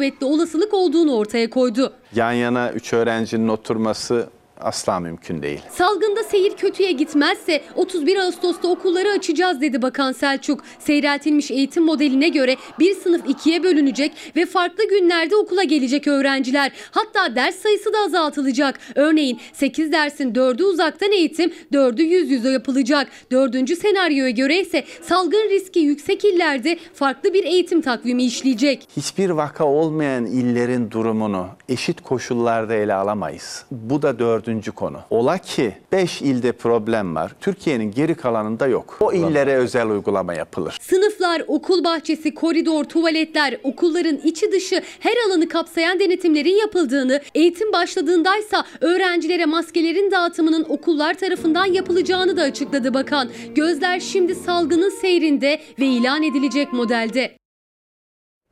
Sanayi ve Teknoloji Bakanı Mustafa Varank bir açıklama yaptı okulların açıklama, e, açılması ile ilgili. Milli Eğitim Bakanlığı'yla bir ortak protokol imzalayacak Sanayi ve Teknoloji Bakanlığı ve okulların açılması konusunda yapılan hazırlıklarda elini taşın altına koyacak. Milli Eğitim Bakanlığı ile birlikte bir protokol imzalayacağız. Enstitümüzün saha tecrübesini Milli Eğitim Bakanlığı uzmanları önerileri, Sağlık Bakanlığı Bilim Kurulu kararları, UNESCO ve OECD tarafından yayınlanan kriterlerle bir araya getirdik. Nihai çıktığımız eğitim kurumları için hijyen şartlarının geliştirilmesi, enfeksiyon önleme ve kontrol kılavuzu oldu. Pazar günü, pazartesi günü imzalayacağımız protokol eğitim öğretim faaliyetlerinin güvenilir, kontrollü, sürdürülebilir ve hijyenik ortamda gerçekleştirilmesini amaçlıyor. Şimdiden hayırlı uğurlu olsun diyorum. Sevgili izleyenler şimdi artık bir yayın konuğumuz olacak. Ee, erken saatlerde de anons etmiştim. CHP'den etkili bir isim Genel Başkan Yardımcısı Erdoğan Toprak karşımızda olacak. Erdoğan Toprak biliyorsunuz rahmetli Bülent Ecevit'in ikinci dönüşünün mimarlarından, eski devlet bakanlarımızdan, uzun yıllardır da Kemal Kılıçdaroğlu'nun yanında en yakınında en güvendiği isimlerden biri olduğunu biliyoruz. İstanbul Milletvekili, Parti Meclisi üyesi, Genel Başkan'ın Genel Koordinatör Baş Danışmanı, son yerel seçimlerinde stratejisinin arkasındaki isimlerden biri Sayın Toprak. Ee, kendisine günaydın, yayınımıza hoş geldiniz diyerek başlayalım. Günaydın, iyi yayınlar dilerim Ezgi Hanım. Ee, hoş geldiniz Fox Ankara büroya, Ankara'daki stüdyomuza. Ee, bir kurultay hazırlığı içerisinde olduğunuzu biliyoruz. Aslında 37. olağan kurultay ama hazırlıklar olağan dışı diye düşünüyorum. 31 Mart yerel seçimlerinde elde edilen başarıdan sonra CHP'nin bu kurultaya başka bir gözle baktığını biliyoruz. Ee, siz bu konuda neler söyleyeceksiniz? Ee, tabii biz e, yerel seçimdeki başarımızı genel seçimle taçlandırmak istiyoruz. Yerel seçimde çok başarılı bir strateji izlendi. Sayın Kılıçdaroğlu'nun ve e, kendi ekibinin ve Millet İttifakı'la beraber iyi bir stratejiyle birçok büyük belediyeyi aldık. Ve birçok büyük belediyede toplumun daha rahat nefes almasını sağladık. Bugün az önce sizin de haberlerinizde yaptığınız gibi ülkemizde yaşanan bir pandemi var. Bu pandemi sürecinde devleti yöneten AK Parti iktidarı bir maske dağıtmazken Cumhuriyet Halk Partisi'nin belediyeleri her yerde kendi belediyelerinde hem maskeleri dağıttılar hem gıda yardımını yaptılar, vatandaşın yanında oldular, sorunlarını çözdüler ve bu sınavdan başarılı çıktılar. Bu sınav şunu gösterdi ki Cumhuriyet Halk Partisi kadroları iktidara çok hazır. İktidara hazır olan bu kadroların bu kurultayla da güçlenerek Millet İttifakı ile beraber bu ülkede iktidara gelmeye hazır olduklarını gösterdi. Bizim bu kurultayda tabii ki güçlenerek çıkmamız lazım. Çünkü 83 milyon vatandaşımız bizden bunu bekliyor. Türkiye kötü yönetiliyor. Türkiye sıkıntılı bir sürece gidiyor. Bunu kurtaracak kurum Cumhuriyet Halk Partisi'dir. Biz bunun sorumluluğunun farkındayız. Buna böyle hazırlanıyoruz. Hı hı. Yani aslına bakarsanız sadece CHP'nin içindeki atmosferi 31 Mart öncesi işte seçimlerin tarihleriyle değerlendirmemek lazım. Belki de ülkenin atmosferine de bakmak lazım diye düşünüyoruz. Ee, ülkenin atmosferine baktığımız zaman önce tabii ki vatandaşın çarşıda, pazarda her mikrofon uzattığımızda e, dert yakındığı bir dönemden geçiyoruz. Tarladaki üretici yine en yüksek perdeden derdini yakınıyor. Ekonomik açıdan gerçekten vatandaşın bir dar boğazda olduğunu bildiğimiz bir dönemdeyiz. E, Türkiye Cumhuriyeti'nin Cumhuriyet kazanımları ile ilgili CHP'nin ve muhalif isimlerin endişeleri var. Hukukun evrensel değerlerden uzaklaştığı yönünde eleştiriler var. Yani genel Türkiye konjonktürüne bakıldığı zaman aslında CHP'nin ya da herhangi bir partinin kurultayı ciddi bir önem taşıyor. İktidara yürüdüğünü söylüyor Sayın Genel Başkan Kemal Kılıçdaroğlu. E, ve bu e, aslında kurultayda karşısında adaylar da var. Ancak zannedersem bu adaylara rağmen Kemal Kılıçdaroğlu bu kurultayda tekrar genel başkan seçilir mi seçilmez mi şüphesi çok derin değil. Ee, galiba e, seçilip seçilmemekten ziyade kaç imzayla, kaç oyla seçileceği önemli öyle değil mi? E, tabii şimdi e, örgütümüz de gerçekten ülke kamuoyu da Sayın Kemal Kılıçdaroğlu'nun hakkını teslim ediyor. Yani içimizdeki adaylara saygı duyuyorum. E, aday olabilir, imzada bulabilir, e, yarışabilir. Buna saygı duyuyorum. Biz Cumhuriyet Halk Partisi olarak bu konuda zenginliğimiz olarak kabul ediyoruz. Unutulmamalı ki Kemal Kılıçdaroğlu Cumhuriyet Halk Partisi'nin başına gelirken e, bir genel başkan adaylığı için en az yüzde yirmi imza vardı. Bunu önce yüzde ona sonra da yüzde beşe düşürdü ki herkes rahat aday olabilsin. Yani partide adaylığın önünü kesmek değil, adaylığın önünü açan çalışmalar yaptı. Böyle bir eser bıraktı aslında. Bugün Türkiye'de son seçimlere baktığınızda toplumdaki en büyük sorun nedir? Kamplaşma ve kutuplaşmadır. Ama Millet İttifakı ile toplumun her kesimini kendi içinde, içinde barındırarak bir Millet İttifakı yarattı. Yani burada sağcısından tutun solcusuna kadar toplumun her kesiminden, her renginden insanlar kendisini buldular ve burada o Millet İttifakı 11 tane büyük şehirde Cumhuriyet Halk Partisi'nin belediyelerinin oluşmasını sağladı ve diğer bazen bazı yerlerde de Millet İttifakı'nın e, diğer partileri de belediyeler kazandılar. Bugün bizim Millet İttifakı'nı devam ettirebilmemiz için politikalarımızı da ona göre dizayn ediyoruz. Tabii ki Cumhuriyet Halk Partisi'nin öncelikleri vardır. Cumhuriyet Halk Partisi bu önceliklerini önüne koyacaktır. Ama ülkemizin bize getirdiği bazı sorunlar var. Bugün bu ülkeyi yönetenler adaletten, hukuktan, birçok alandan Türkiye'yi kopardılar. Türkiye'yi dünyadan dışladılar. Tek adam yönetimine mahkum ettiler. Liyakati yok kabul ettiler. Bunun getirdiği de sıkıntılar var. Yani işsizlik arttı. Türkiye fakirleşti.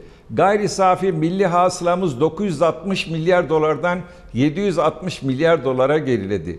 Kişi başı gelir 2013'te 12.500 dolarken bugün kişi başı gelir 8.500 dolarlara geriledi. Yani adım adım fakirleşiyoruz.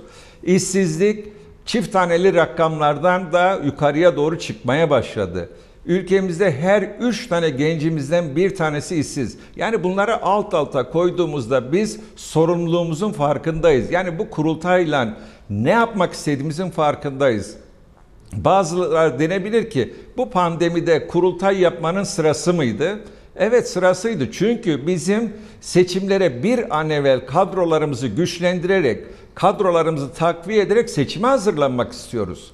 Türkiye sıkıntılı bir yere gidiyor. Türkiye kötü yönetiliyor. Türkiye tek adamın iki dudağı arasında yönetiliyor. Bakın başkanlık sisteminin bu ülkeye geldikten sonra düzelen hiçbir şey yok. Bunu Sayın ben itiraf Toprak, etmiyorum. erken seçim bekliyor Bunu, musunuz? her şeyi bekliyorum. Bugün bu ülke yönetilemez konumda. Bugün bu ülkeyi yöneten Tayyip Erdoğan, bugün bu ülkenin Cumhurbaşkanı kalkıp dedi ki evet dedi sistemde hatalar var, eksikler var, revizyon yapmak zorundayız. Revizyonla bu iş çözülemez.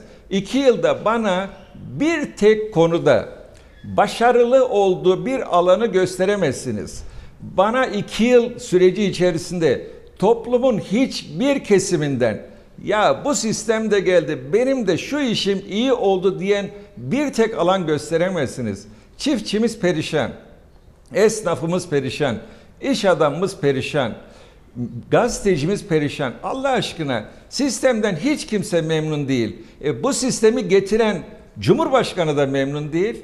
E, o zaman bize düşen görev bir an evvel Millet İttifakı ile bu ülkede Cumhurbaşkanlığı makamına tarafsız birini taşımak, bir Millet İttifakı adayını taşımak ve ondan sonra güçlendirilmiş parlamenter sisteme dünyayı kucaklayacak yeni bir sistemle Türkiye'nin tekrar çağa yakalayacak bir yola devam etmesinden yanayız. Bu kurultay gerçekten hem CHP için hem de Türkiye için önemli görünüyor. Siz az evvel söylediniz muhtemel adaylar var, adaylar var e, Kemal Kılıçdaroğlu'nun karşısına çıkacağını duyuran. E, isterseniz bununla ilgili ekran başındaki izleyicilerimize e, bir bilgi verelim. E, çünkü ekran başında sadece CHP'ye gönül vermişler değil başka bir sürü partiye gönül vermişler de var. Ancak bizim izleyicimiz gündemi çok yakından takip eder, bilinçlidir. Sadece kendi oy verdiği partiyi değil başka partileri de takip eder sevgili izleyenler. CHP'deki kurultay öncesindeki adaylıkları ve son hazırlıkları getiriyoruz ekrana.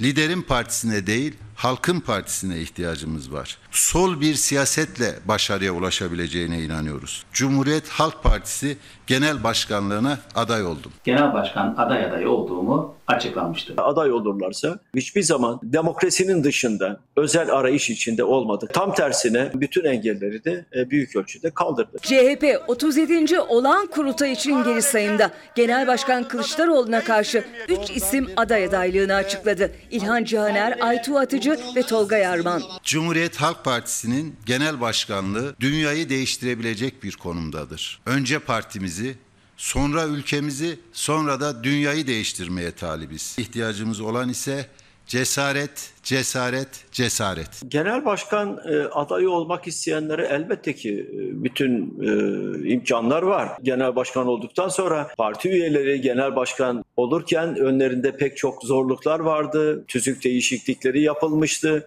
Ben bütün bunların tamamını değiştirdim. Çok daha düşük bir imzayla kararı verecek olan da partinin delegeleridir. 2010'da 33. olağan kurultayda koltuğa oturmuştu Kılıçdaroğlu. O günden bugüne 5 olağanüstü 3'te olağan kurultay gördü. Koltuğunu kaybetmedi. Bu kongrede karşısına çıkan isimlerle yarışması için karar delegenin 1375 kurultay delegesi var CHP'de 68 delegenin imzasını alan genel başkana rakip olabilecek. Cumhuriyet Halk Partisi'ne aday olmak herkesin demokratik hakkıdır. Bize yani reform hareketine imza vererek kurultayda bizim de yarışmamızı sağlamanızı istiyoruz. Reform hareketi diyerek aday adayı olan başka bir isim de Mersin eski milletvekili Doktor Aytu Atıcı oldu. Bir diğer isimse CHP kurultay onur üyesi Profesör Tolga Yarman. Sayın Genel Başkanımız da adaylığından ayrı tutmayız. Eğer imzayı bulmuşsa bizim partimizin adayıdır. Oy vermesek de onu dinleriz, gerekli saygıyı gösteririz.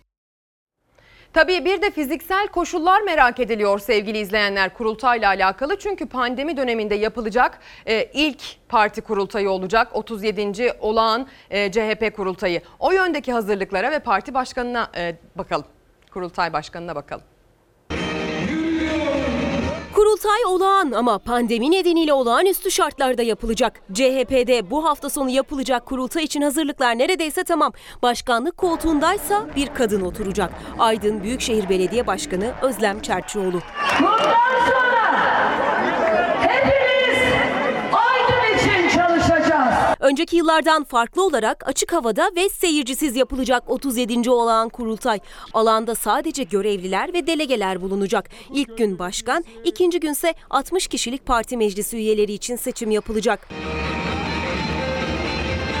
Kurultayda 1356 delege partinin yeni yönetimini belirleyecek. İstanbul Sözleşmesi ve kadın sorunlarının tartışıldığı bir dönemde CHP Genel Başkanı Kemal Kılıçdaroğlu 37. olağan kurultayında divan başkanı olarak Özlem Çerçioğlu'nu seçti. Çerçioğlu 2018'de yapılan tartışmalı tüzük kurultayında divan başkan yardımcısı olarak görev yapmıştı. Hiç kimseyi kutuplaştırmayacağım. Kucaklayacağım. Topuklu Efe'de başkanlık yapacakmış. Zemin demokrasi zemini olacak. Koşullar pandemi koşullarına göre ayarlanıyor. Ee, ve kurultayda aslında beklenenleri ve atmosferi bize e, içeriden bir ağız, yetkili bir ağız ve gerçekten etkili bir ağız aktarıyor. Biliyorsunuz konuğumuz CHP İstanbul Milletvekili Erdoğan Toprak. Ee, belki de e, size kurultay sonrasında yani 27 Temmuz sabahında CHP'yi ve Türkiye'yi ne bekliyor diye sormalıyım. Ee, Ezgi Hanım, e, demin aday arkadaşlarımla ilgili birkaç şeyi söylemek isterim. Lütfen. Ee, Cumhuriyet Halk Partisi'nin Genel Başkanı Sayın Kılıçdaroğlu sanıyorum Türkiye'de liderler içinde baktığınızda egosu olmayan, koltuk düşkünlüğü olmayan bir lider. Daha önceki kurultaylardan da şunu hatırlıyorum, hafızalarım da beni yanıltmıyor. E, Muharrem İnce, Sayın Muharrem İnce adaydı. E, Sayın Muharrem İnce'nin yeterli imza e, toplanamamıştı. Sayın Genel Başkan o imzaların tamamlanmasını sağladı ve yarışmaya e, girmesini sağladı. Bununla da yetmedi. Rakibi olan Sayın Muharrem İnce'yi Cumhurbaşkanı adayı yaptı. Yani o noktada e, Sayın Genel Başkan'ın bakış açısı böyle. Bunu da e, belirtmek isterim. Bize pazartesi günü kurultaydan sonraki pazartesi günü ne beklediğini biliyoruz. Ama hangi kadrolarla buna biz hazırlanacağımızı 1375 kurultay delegesi karar verecek. Çünkü çarşaf liste olacak. Bizde demokrasi var. Çarşaf listeyle 350, 400, 450'ye varan adaylar yarışacak ve tek tek o listelerde kurultay delegeleri bu göreve kim hazırsa onu Sayın Genel Başkan'a sunacaklar ve o sandıktan çıkan sonuçlarında Genel Başkanımız partiyi seçime hazırlayacak. Ama kim çıkarsa çıksın Cumhuriyet Halk Partisi'nin yol haritası belli. Cumhuriyet Halk Parti'nin programı var, tüzüğü var, öncelikleri var. Biz ülkenin sıkıntılı sürecinin farkındayız. Bu ülke hukuktan koptu. Bu ülke gelir dağılımındaki adaletsizlikten koptu. Bakın bir pandemi yaşadık. O pandemide yoksul kesimimiz, işçi kesimimiz en büyük sorunları yaşadı. Çiftçilerimiz en büyük sorun yaşadı. Bugünkü iktidar ne yaptı? Sadece borç ertelemeye gitti. Allah aşkına 3 ay kapalı olan bir esnafın 3 ay borcunu ertelemeniz neyi değiştirir? Yani 3 ay sonra o borcu getirip kapatabilir mi? Zaten iş yeri kapalı. Zaten para kazanamamış. E çiftçimiz perişan. Bu pandemi bize bir şeyi öğretti ki tarım sektörü stratejik bir sektördür. Yani tarım sektörünü gözümüz gibi bakmalıyız. Ama bugünkü iktidar tarım sektörüne bırakın desteklemeyi %65'e varan ÖTV alarak tarımı cezalandırıyor. Tarımı cezalandırılınca da ne oldu? Türkiye ithalat cenneti oldu. Saman ithal eden ülke konumuna geldik. Yani ne olurdu? Yat sahibine ÖTV'siz verdiğim mazotu çiftçiye versen ne olurdu? Tohumun ÖTV'sini almasan ne olurdu? Elektriğe biraz destek verseydin ne olurdu? Bunları yapmadı. Ama pandemide e, sizler de takip etmişsinizdir. Vatandaş nereye koştu? Dünyanın her yerinde böyle. Türkiye'de değil, Amerika'da da marketlere koştu ve marketlerin raflarından hızla gıda ihtiyacı aldı. Çünkü insanlar yemeden, içmeden yaşayamazlar. Biz bunun farkında olmalıyız ve tarım sektörünü desteklemeliyiz. Bugünkü iktidar, AKP iktidarı bu ülkede 6 tane şeker fabrikasını elden çıkartıp o illere 6 tane cezaevi yaptı. Bu utanılacak bir şeydir. Yani tekrar ediyorum. 6 tane Anadolu'nun belli illerinde şeker pancarı ekilen belli illerinde 6 tane fabrikayı elden çıkarttı. Özelleştirme adı altında belli kişilere verdi. Akıbeti de belli değil. Üretimler düştü.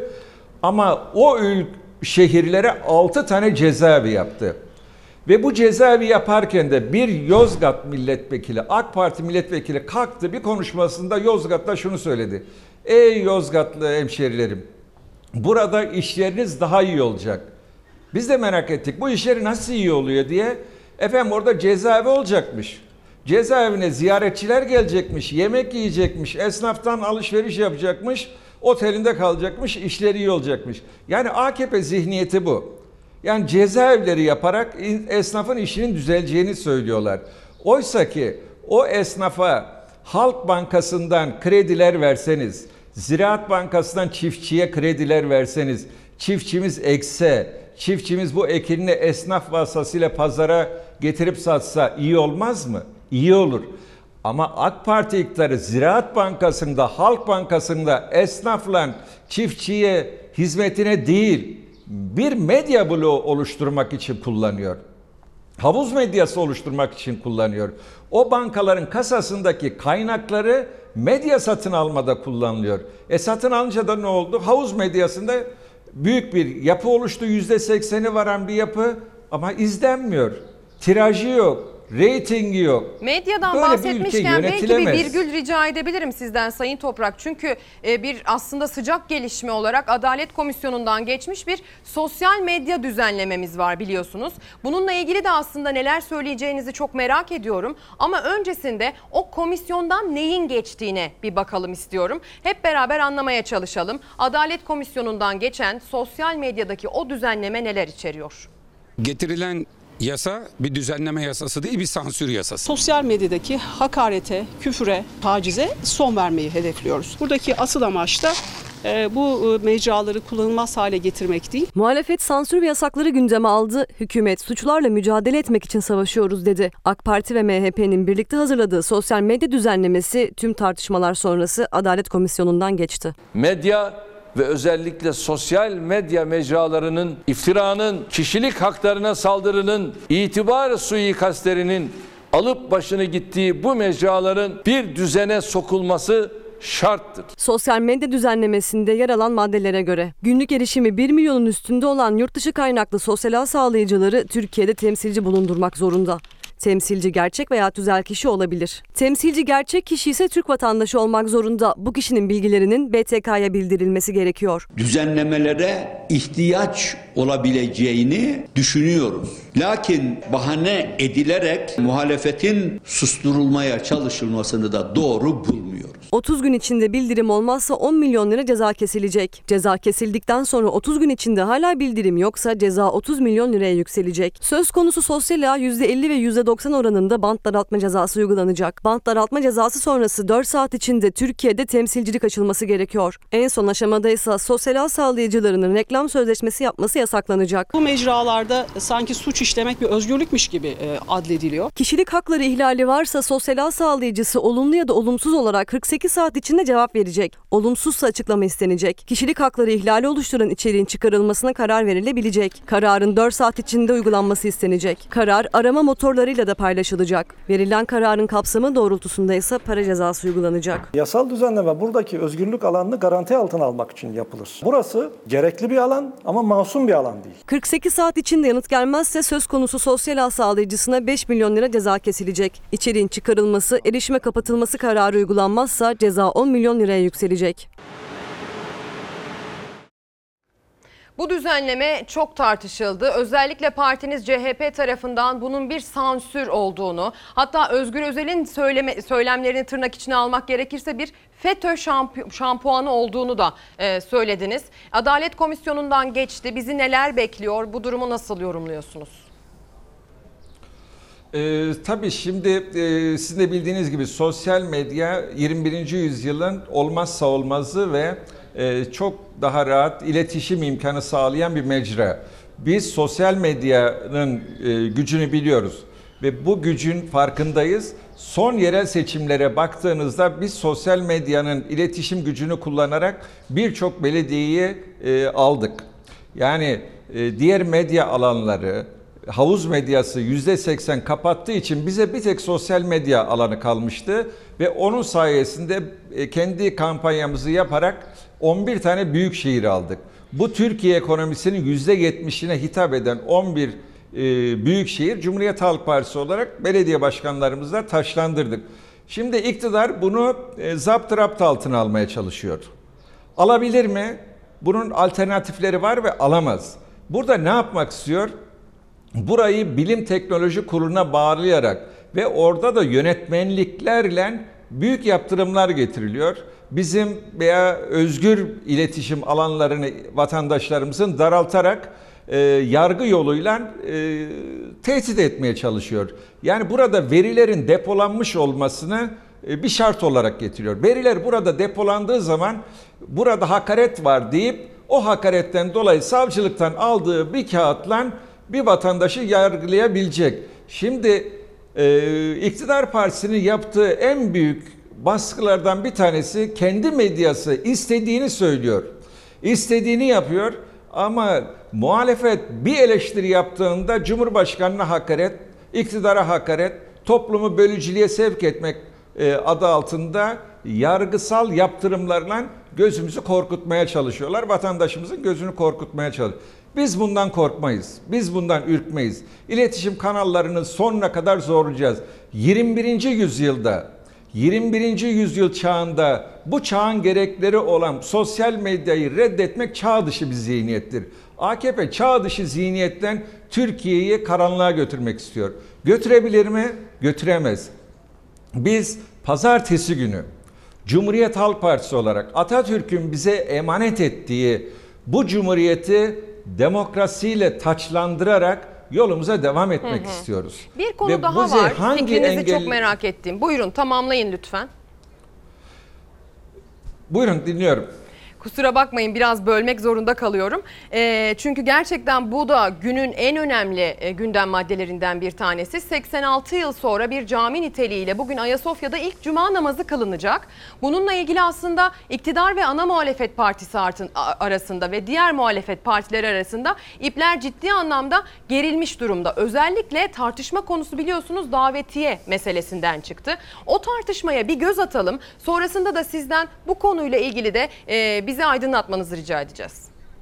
Herkes ister namazını kılar, ister bunu gizli yapar, ister evinde kılar. Birebir namazın içinde olmaya tercih etmeyebilir. Bizim asıl arzumuz 86 yıl sonra açılan Ayasofya Camii'nde buluşmayı ben teklif ediyorum. Daha da diyorsunuz ki gelseydi de dursaydı da namaza durmasaydı. Siz neleri sorgulamaya başladınız ya? Neleri sorgulamaya başladınız? Siyasetin gündemi 86 yıl sonra Ayasofya'da kılınacak ilk namaz öncesi davetli listesi. Diyanet İşleri Başkanlığı'nın 500'ün üzerinde kişiye davetiye gönderdiği ortaya çıktı. Davet gelirse namaza giderim dediği için eleştirilen Muharrem İnce de o listedeydi. İnce hani davetiye yoktu diye sordu. Ezan zaten davettir deyip sonra bir davetli listesi ortaya koyduğunuzda bu komik bir durum, çelişkili bir durum. Ezan bir davettir dendi. Fakat daha sonrasında öyle protokol falan olsun diye değil. Görüldü ki bir şey de var. Yani bir e, talep, bir kimler gelecek, gelmeyecek. Bir hafta önceki halinizi reddeden, alaya alan, deşifre eden, mahkum eden bir durum. Bir kez bunu görün yani. Bunun bu tarafının savunulacak bir şeyi yok.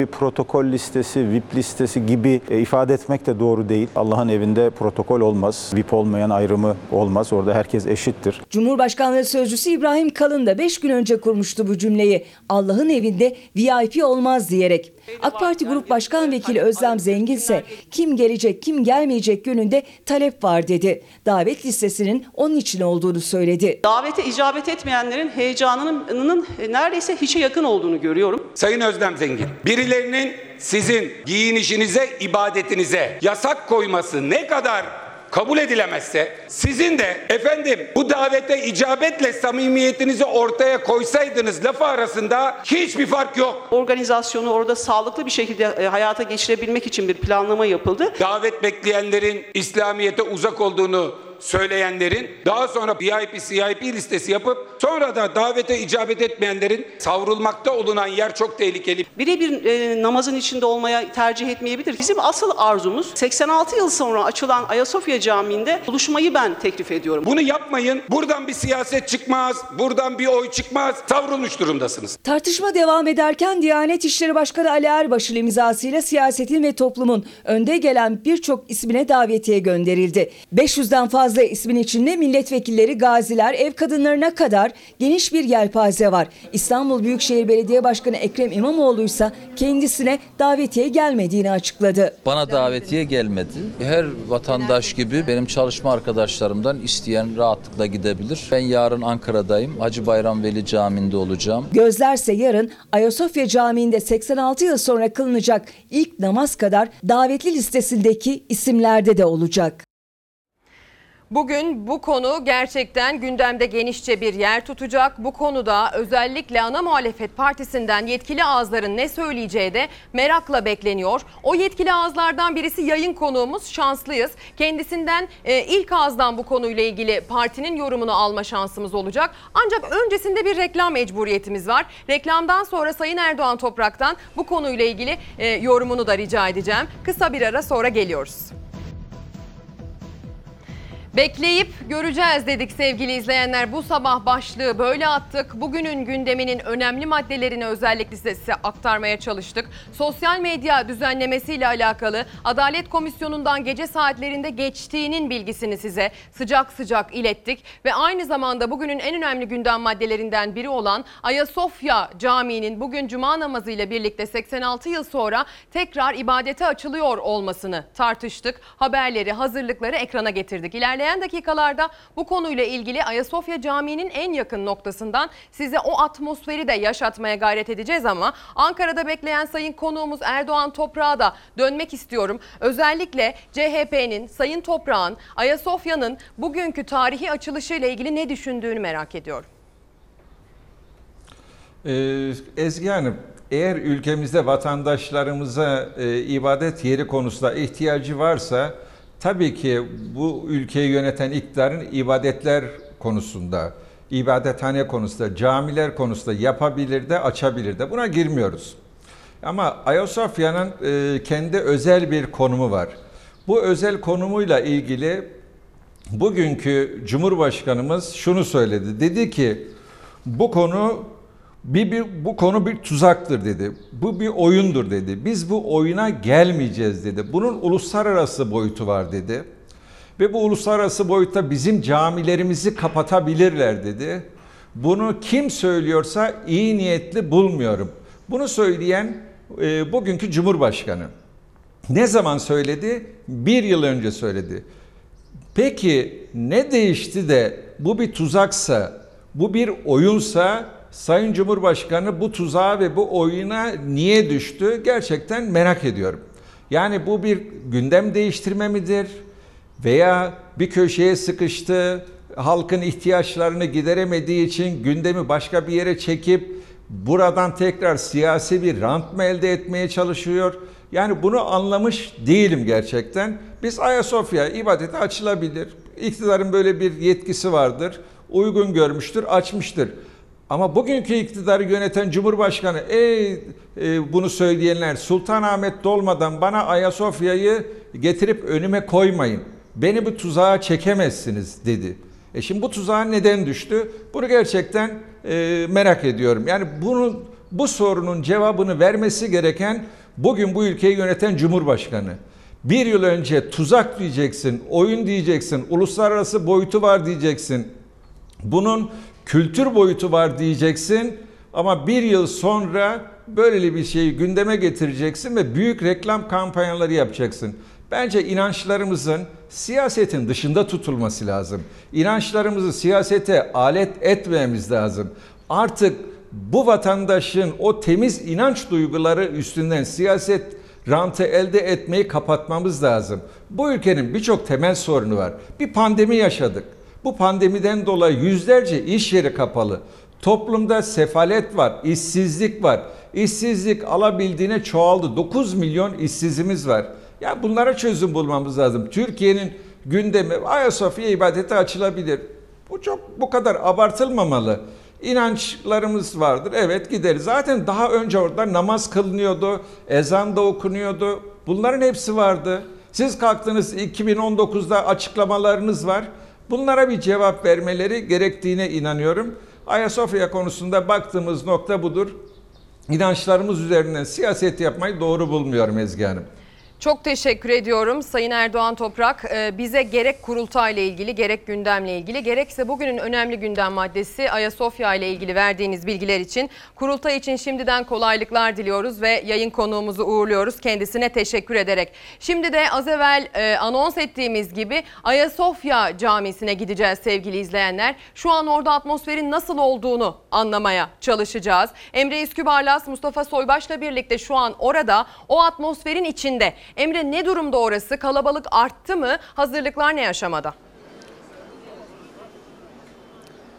Ezgi Gözeger Ayasofya Camii ve önünde meydanda kalabalık her geçen dakika artıyor. Az önce bir yetkili kalabalığa seslendi ve dedi ki lütfen kontrol noktalarında yığılma yapmayın, kontrol noktalarına yüklenmeyin ve sosyal mesafe kuralına uyun. Hatta şunu da belirtti çünkü çok büyük bir ilgi ve kalabalık var. Sadece Ayasofya Camii'nde değil, caminin önünde değil, çevrede çok sayıda camimiz var. Orada da namazlarınızı eda edebilirsiniz. Uyarıları geliyor çünkü kalabalık gerçekten her geçen dakika artıyor. Fox kameramanı Mustafa Soybaş'tan da ben rica edeceğim etrafı göstermesini. Bakın kalabalığı göreceksiniz. Gittikçe bu kalabalık artıyor ve tabii bir salgın süreci de söz konusu. Şunu da söyleyelim. Ne yazık ki sosyal mesafe kuralına da çok uyulduğunu söyleyemem. Hatta sağlığınız için sosyal mesafeyi koruyun tabelaları, pankartları var. Ancak kalabalık o kadar fazla ki bu kuralın askıya alındığını söyleyebilirim. Yurt dışından gelenler var, şehir dışından gelenler var, geceyi burada geçirenler var. Cuma namazı 13-16'da kılınacak ve 86 yıl sonra bir ilk yaşanacak ve Ayasofya yeniden ibadete açılacak. İşte görüyorsunuz kalabalığı. Evet maske kuralına uyanlar var ama ne yazık ki maskeler kimilerinin çenelerinde ve ne yazık ki o kurala demin de söyledim pek uyulduğunu söyleyemem. Tabii aslında giriş noktalarında hem ateş ölçümü yapılıyor hem maske kontrolü yapılıyor ama işte o kontrol noktalarında o kadar fazla bir yoğunluk vardı ki valiliğin belirttiği saat ondan itibaren aslında buraya alacaktı kalabalığı ama o valiliğin belirttiği saatten önce kalabalık burada toplandı. Ben size kalabalığı şöyle tarif edeyim. Hemen yanımda Ayasofya Camii var. Önünde işte Ayasofya'nın önündeki o alan var. Ama bakın Sultanahmet Camii önüne kadar bu kalabalığın gittiğini söyleyebilirim. Normalde İkisi kadınlar için, üçü erkekler için beş namaz kılma alanı ve valilik tarafından, görevler tarafından belirtilmişti ama o alanların dolup taştığını söyleyebilirim. Hatta demin, demin söyledim ya, görevliler lütfen başka camilerde de cuma namazınızı kılabilirsiniz uyarısı yapıyor. Çok sayıda da polis burada. Hemen şu anda havada bir polis helikopteri var, güvenliği sağlıyor. 20 bini aşkın polis bugün burada tarihi Yarımada'da Ayasofya ve çevresinde güvenliği sağlıyor. Tabi hazırlıklar da artık bitti. Ee, Ayasofya'nın içindeki o sembolleri ibadet sırasında kapatması için bir dakikada açılıp kapatılacak o perde sistemi e, takıldı Ayasofya'nın içine halılar serildi. Dışarıda o iç avluda e, hazırlıklar yapıldı. Normalde 4000'i aşkın kişi ibadet edebilir, namaz kılabilir Ayasofya ve avluda ama e, biliyorsunuz salgın dönemi olduğu için görevliler 1000 ve 1500 arasında kişinin burada namaz kılabileceğini söyledi. Tabi Ayasofya'nın içinde durum bu ama dışarıda işte görüyorsunuz. Tekrar o görüntüleri size gösterelim. Türk bayraklarıyla gelenler var. Pankartlarla gelenler var. İşte saatlerdir aslında burada oturanlar var. Onlar da namazı bekliyorlar. Bakın he, şu anda da bir şu anda da bir sosyal mesafe kuralına uyun uyarıları yapılıyor Ezgi Gözeger. Artık cuma namazına saatler kaldı. Protokol gelecek, giriş yapacak. Onlar da Ayasofya içinde cuma namazını kılacaklar ve 86 yıl sonra Ayasofya yeniden ibadete açılacak. Yollar tabii trafiğe kapatıldı. Buraya gelenler otobüslerle buraya taşınıyor. Kennedy Caddesi kapatıldı. Otobüslerle buraya gelen kalabalık geliyor. İşte meydandaki yerlerini alıyor. İşte görüyorsunuz ne yazık ki işte o sosyal mesafe kuralına çok uyulması gerekirken gerekirken e, o kuralın askıya alındığını söyleyebilirim. Hatta çevredeki camilerde namaz kılın uyarıları var. Artık biz de Cuma namazının başlamasını bekliyoruz. Tabi Salah ve tekbir sesleri geliyor. Kur'an-ı Kerim tilavetiyle başlayacak. Diyanet İşleri Başkanı Profesör Doktor Ali Erbaş'ın bir duası olacak. Biliyorsunuz zaten imam olarak da bir profesör atanmıştı. O da açıklanmıştı. Artık dakikalar kaldı, saatler kaldı. Ezgi Gözeger kalabalık her geçen dakika artıyor ve artık Ayasofya yeniden ibadete açılmaya hazır. Emre İskübarlas ve Mustafa Soybaş'a çok teşekkür ediyoruz. Onlar Ayasofya'nın bahçesinde Sultanahmet Meydanı'nda Sultanahmet Camii'nin önüne kadar gelen kalabalığı gerek sosyal mesafeli gerek sosyal mesafesiz, gerek maskeli gerek maskesiz Ayasofya'nın 86 yıl sonra ilk cuma namazı ile birlikte e, ibadete açılmasını görmeye gelenleri bize aktardılar. Sosyal mesafe konusunda uyarılar yapıldığı yayınımız sırasında bizim kulağımıza da geldi. O uyarılar orada sık sık tekrarlanıyor dendi Emre Üskübarlas. Tabii ki bir koronavirüs pandemisi sürecinde olduğumuz için bu açılışın koronavirüs pandemisi açısından da bu kalabalığın riskli olup olmadığı da yine tartışılacak gündem maddelerinden biri olacak. Bu konuyu sadece biz tartışmıyoruz. Hem Ayasofya konusunu hem korona konusunu dünya tartışıyor. İsterseniz dünyada koronavirüsle ilgili gelinen son noktaya şöyle bir bakalım. Brezilya'da virüsün yayılımı kontrolden çıkmışken fakir mahalleler bir de su kıtlığıyla mücadele ediyor. 10 gündür su verilmeyen bölgelerde Covid-19 vakalarının katlanmasından endişe ediliyor. Koronavirüs kabusu tüm dünyada etkisini göstermeye devam ediyor. Dünya genelinde virüse temas edenlerin sayısı 15 milyon 660 bine yaklaştı. Can kayıpları 636 bini geçti. 9 milyon 543 binden fazla kişi Covid-19'la savaşı kazandı. Amerika'da vaka sayıları 4 milyon 170 bine tırmandı. Florida, Kaliforniya ve Teksas virüsün merkez üssü olmuş durumda. Kısıtlama karşıtı protestolar sırasında Amerikan halkının çoğu zorunlu maske kararına da tepki göstermişti. Ancak bugün yapılan bir anket her 4 Amerikalıdan 3'ünün maskeyi şart olarak gördüğünü ortaya koydu. Fransa'da ise insanlar maske konusunda çekimser bir tutum içerisinde. Ülkenin kuzeybatısında artan vakalar sonrası dışarıda maske takma zorunlu hale getirildi. Ancak başkent Paris'te birçok insanın maskeyi tercih etmediği görüldü. Aynı görüntüler Rusya'nın başkenti Moskova'dan da geldi. Salgının başından bu yana virüs umursamayan, maske bile takmayan devlet lideri Bolsonaro dünyanın gündemine gelmekten geri kalmıyor. Hastalığa yakalanan devlet liderinin her açıklaması ülkede ayrı bir olaya neden oluyor. Bolsonaro son olarak koronavirüsten dolayı gerçekleşen ölümler kaçınılmaz dedi. Ancak herkesin tedaviye ulaşabildiği iddiasında bulundu. Rio de Janeiro'nun fakir mahallelerinde halk ayaklandı. 10 gündür su verilmemesini protesto ettiler. Su kıtlığı yaşayan mahalleler hükümetin hiçbir yardım yapmadığını ifade ederek ses yükseltti. Bu bölgelerde yaşanan su kıtlığının virüsün yayılmasını daha da hızlandırmasından endişe ediliyor. Sevgili izleyenler koronavirüs tartışması dediğimiz gibi sadece bizde değil dünyada var ve peşi sıra gelen bir diğer tartışma. Okullar açılsın mı açılmasın mı? Biliyorsunuz biz sabah erken saatlerde bu konuyla ilgili Milli Eğitim Bakanı'nın planlamasını ekranlara getirdik. Hibrit bir yöntemden iki gün başka öğrencinin bir gün okulu temizleyip iki gün başka öğrencilerin gelmesi şeklinde bir sistem uygulanması planlanıyor. Bu konu aslında dünyanın gündeminde. Okulları açalım mı açmayalım mı? Trump okulların açılması gerektiğini söyledi. Amerika Birleşik devletleri için okullar açılsın ki anneler babalar işe gitsin ekonomi kalkınsın dedi.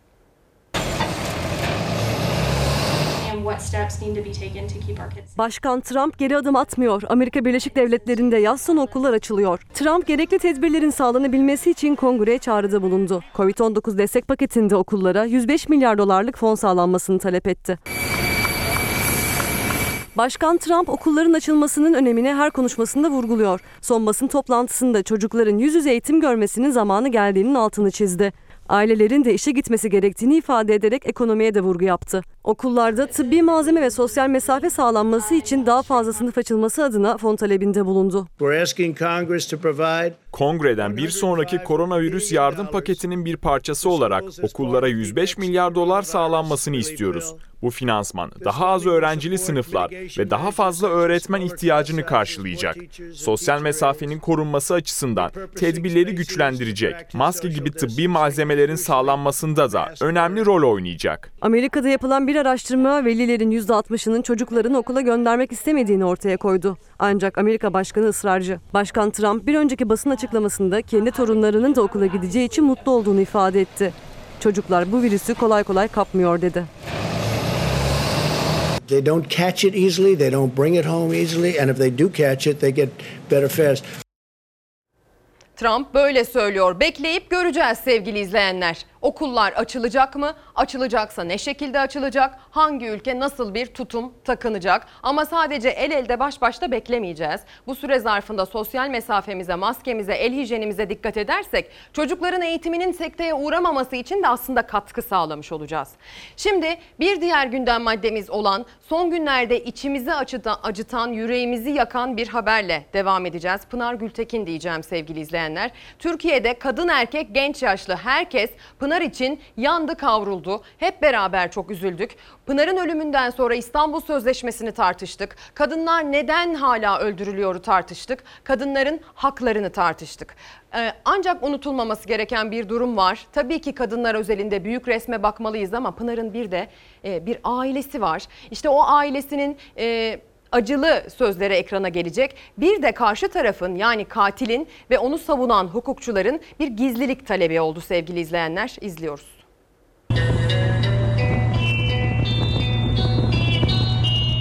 Ben erkek çocuğu okutmadım, kız çocuğu okus- okusun diye. Dedim belki yarın öbür gün eli ekmek tutar. En azından koca eline bakmaz. Ayakları üzerinde durur. Öyle de oldu. Kendi ayaklarının üzerinde durdu Pınar Gültekin. Ta ki vahşi bir cinayete kurban gidene kadar. Onu hayattan koparan katil zanlısı Cemal Metin Avcı'nın ailesi ise savcılığa başvurdu. Cinayetle ilgili haberlerin engellenmesi için gizlilik kararı istediler. Neden öldürdün? Nasıl öldürdün? Nasıl öldürdün? Bir şey söyleyecek misiniz? Babişko diyordu. "Ee, senin oğlanların sana bakmaz ama ben ömür boyu sana ve anneme bakacağım diyordu. Çok neşe dolu bir kızdı. 27 yaşındaki Pınar Gültekin okulunu bitirecek. Elinde diplomasıyla baba evine geri dönecekti. Çok sevdiği ailesiyle birlikte yaşlanacaktı. Babası onu anlatırken sözleri boğazında düğümlendi. Koruyamadım dedi. Benim kızım gerçekten neşe dolu bir kızdı. Derslerinde de başarılıydı. Hunharca öldürüldü maalesef. Koruyamadım ben.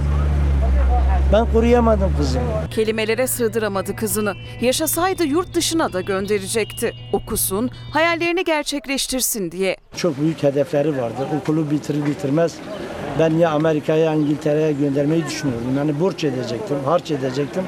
Burs yani ben illaki gönderecektim stajını görmek için. Şu anda insanlar var.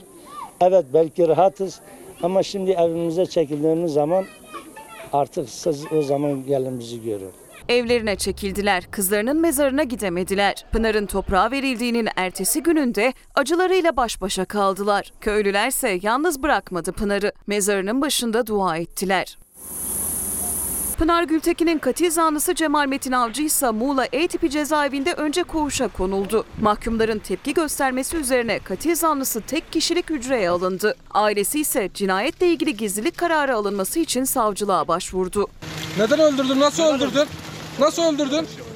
Bir şey söyleyecek misiniz? Pınar'ın vahşice katledilmesine kadınların tepkisi de devam etti. Konya ve Kayseri'de bir araya gelen kadınlar cinayetlerin son bulması için ses yükseltti. Kadınlar öldürülmesin. Kadına şiddet son bulsun.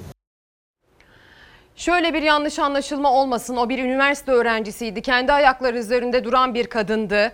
E, babası onu okuttu. Bu anlamda aslında örnek bir davranış sergiledi ama yine de başına bu geldi gibi anlaşılmasın. Kızlarımızın okuması, çocuklarımızın okuması çok çok önemli. Eğer onları okula göndermezsek, eğitim hayatından koparırsak çocuklarımız suça sürükleniyor sevgili izleyenler. Çocuklarımız suça sürüklenmesin. 2019 yılı itibariyle Türkiye'de 0-17 yaş arası 22 milyon 876 bin 798 çocuk bulunuyor. Ne yazık ki açıklanan 2019 yılı verilerine göre yine sokakta arkadaşlarıyla oynaması ya da okulda bulunması gereken bu çocuk nüfusun %2'si karakola düşmüş. Çocuklar ya suç işlemişler ya da mağdur edilmişler. Buradan hareketle suça sürüklenen çocuklar Türkiye'nin en acil sorunlarından birini oluşturmaktadır. Geçen 12 senede 1 milyon 375 bin 977 çocuğun suça karıştığını düşünürsek bu çocukların her şeyden önce birer çocuk oldukları gerçeğini göz ardı etmemeliyiz. Onları her durumda korumak devletin öncelikli görevidir. Çocuklarımızı koruyacağız sevgili izleyenler. Kızlarımızı koruyacağız ama erkeklerimizi de korurken aynı zamanda doğru eğiteceğiz ki sonrasında suça sürüklenmesinler. Ne kız ne erkek hiçbirisi eğitimden uzak kalmasın ve suça sürüklenen erkekler kadınların canını yakmasın. Çocuklarımızı erkek çocuklarımızı büyütürken büyüyünce çok canlar yakacak demeyeceğiz. Kimse kimsenin canını yakmasın artık diyeceğiz. Şimdi Kimse kimsenin canını yakmasın demişken Antalya'ya doğru gideceğiz. Bir can yakma haberi var aslında. Zabıtalar bir tane meyve satan adamı herkesin göz önünde dövdüler. Bu kadar olmaz ayıp ya. Aralarını aldılar, bir köşede sıkıştırıp dövdüler. Seyyar satıcıyı sokak ortasında darp eden zabıtalar tepkilere de aldırış etmedi.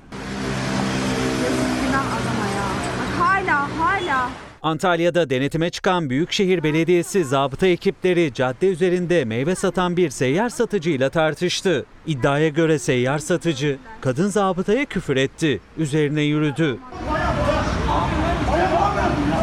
Olaya tanıklık eden dört erkek zabıta satıcıyı tartaklamaya başladı. Zabıtalardan biri seyyar satıcıyı yakasından tuttu kafa attı. Ya.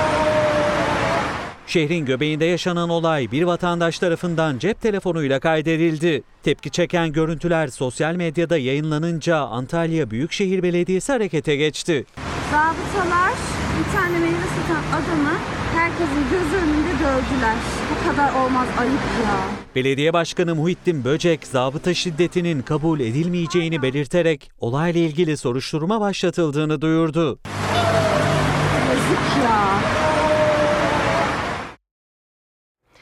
Sevgili izleyenler sıradaysa çiftçiyi ilgilendiren, üretimi ilgilendiren bir haber var. Aslında hepimizi ilgilendiriyor çünkü milli bir tohumdan bahsedeceğim. Bu tohumla ilgili iki yıl çalışmalar yapıldı. Islah çalışmaları sonrasında ülkenin farklı yerlerinde denendi ve görüldü ki verimi gerçekten çok yüksek. İsmi ise bir o kadar ilginç Hüseyin Bey. Dünya rekoruna yaklaştık galiba. Bundan sonra bunun daha iyisi çıkana kadar ben Hüseyin Bey'den şaşmam. Milli tohum Hüseyin Bey. Bir ekildi, bin verdi. Dekar başından 1730 kilogram verim alındı. Rekor kırıldı. Bundan sonra ben Türk ıslahçılarının dünyada söz sahibi olacağını düşünüyorum artık.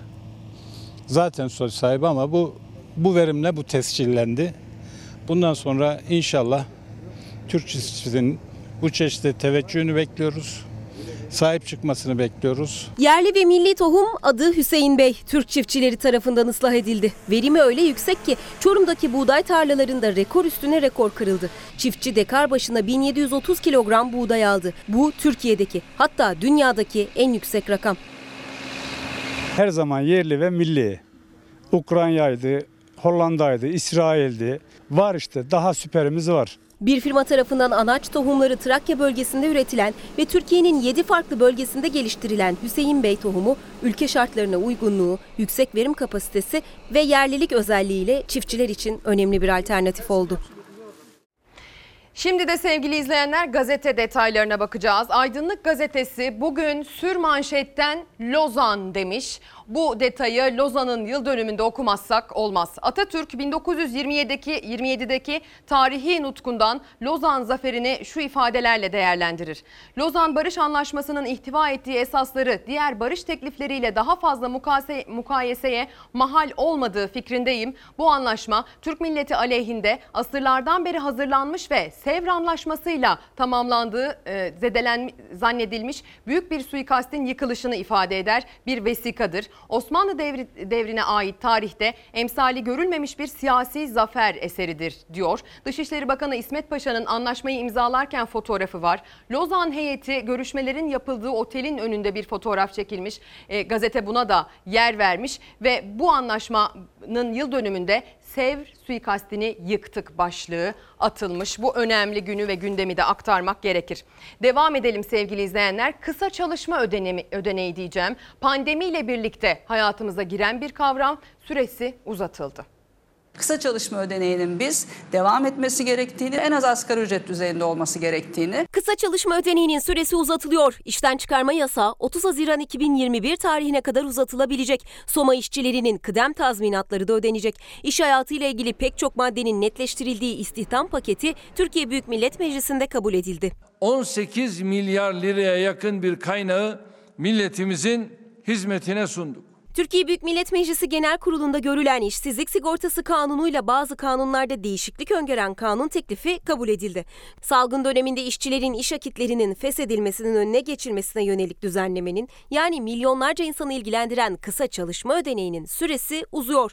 Bu konuda yetkili Cumhurbaşkanı Recep Tayyip Erdoğan. Kısa çalışma ödeneğinden mevcutta yararlananların bu imkandan faydalanma süresini uzatıyoruz. Cumhurbaşkanı 3 aylık süreyi sektörel olarak ayrı ayrı veya bir bütün olarak 6 aya kadar uzatmaya yetkili olacak. Ayrıca belirli süreli iş veya hizmet sözleşmelerinde sürenin sona ermesi, iş yerinin herhangi bir sebeple kapanması ve faaliyetlerinin sona ermesi, ilgili mevzuata göre yapılan her türlü hizmet alımlarıyla yapım işlerinde işin sona ermesi halleri fesih engelinin istisnaları arasına ekleniyor. Kaybettiğimiz çalışanlarımızı tekrar işe kazandırmak istiyoruz. Kısa çalışma ödeneğinden yararlananlarla nakdi ücret desteğinden yararlananların çalıştıkları iş yerinde haftalık normal çalışma sürelerine dönülmesi halinde sigortalı ve işveren paylarının tamamı 3 ay süreyle işsizlik sigortası fonundan karşılanacak. Destekten yersiz yararlanıldığının tespiti halinde yararlanılan destek tutarı işverenden gecikme cezası ve gecikme zammı ile birlikte tahsil edilecek. Paketten yıllardır tazminat beklentisi içinde olan Somalı işçileri mutlu edecek bir haber de çıktı. Işıklar, Atabacası ve Geventepe ocaklarında çalışan ve kıdem tazminatına hak kazanacak şekilde hizmet akti sona erdirilen işçilerden kıdem tazminatlarını alamayanların tazminatları 2 ay içerisinde başvurmaları halinde kurum tarafından ödenecek. Hak kazanan işçilerin hakkını yönetim kurulu üyeleri ödeyecek. Sevgili izleyenler bugün 24 Temmuz aslında basın bayramı. Ancak elimdeki rapor diyor ki bu sene ilk 6 ayda en az 19 gazeteci yazar hapis cezasına mahkum edildi. 16 gazeteci tutuklandı. En az 52 gazeteci gözaltına alındı. E, Rütük Basın İlan Kurumu ve BTK en az 158 basın yayın kuruluşunun erişimine e, engel koydu. En az 5 gazeteci fiili silahlı saldırıya uğradı diyor. Basın bayramı ama kutlayamıyoruz.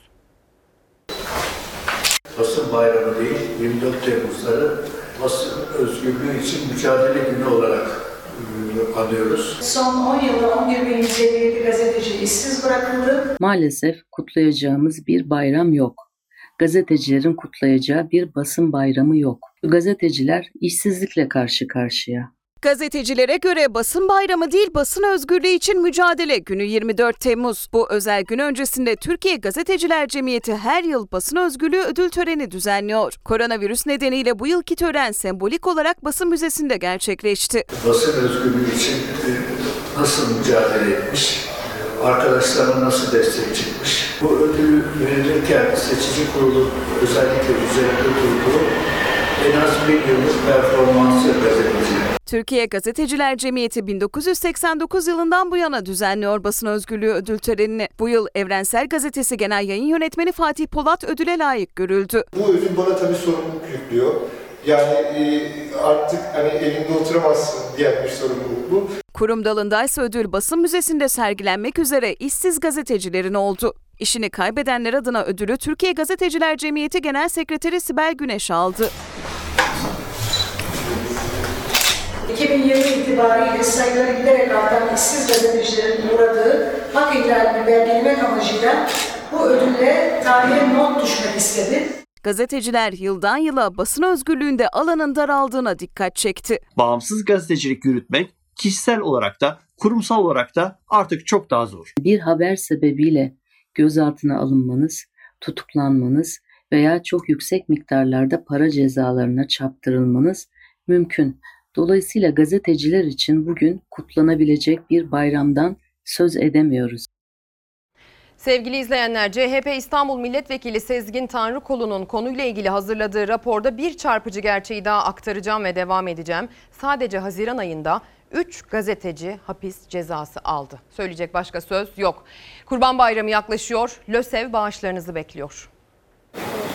Lösemi olduğunu söylediler. Tabii o günü hiç hatırlayamıyorum. Yani çok yıkıcı oldu benim için. Benim başıma gelmese tabii ben de bilmiyordum ama herkes LÖSEV'e bir bağışta bulunsun. Bir can, bir hayat kurtarmak için e, sadece küçük bir bağış olsun. LÖSEV bağışlarla ayakta duran bir hastane. İki çocuğu da lösemiye yakalanan bir anne o. Lösemiyle büyük oğluyla tanıştı. Tam geçti derken yükseltti. Nakil oldu bitti derken bu kez de küçük oğluna teşhis konuldu. 8,5 yıldır mücadelesinde en büyük destekçisi LÖSEV. LÖSEV olmasaydı ilaç sıkıntısı, kan sıkıntısı sürekli kan aramak zorunda kalıyordu. Umut 15, Ahmet ise 12 yaşında. 2012 yılında Umut'a lösemi teşhisi konuldu. Nakille iyileşti. Bu kez kardeşine aynı teşhis konuldu. Yani o anda da yine aynı şey yaşadım. İlk aklımıza gelen LÖSEV oldu. Lösemili Çocuklar Vakfı LÖSEV'in desteğiyle Ahmet de tedavisinde büyük yol kat etti. LÖSEV'e gittik. İlaç sıkıntımız yoktu, kan sıkıntımız yoktu. Sadece tedavide destekçi değil, gıda kolisi gibi sosyal yardımlarda da bulunuyor LÖSEV ailelere. Yapılan bağışlar çocukların ve ailelerinin hayatını aydınlatıyor. Elimizi 1250 TL olarak belirledik. Vekaleten kurban bağışıyla ilgili. Çünkü 7 hisseyle bir büyük baş hayvanın kurban edilmesi söz konusu.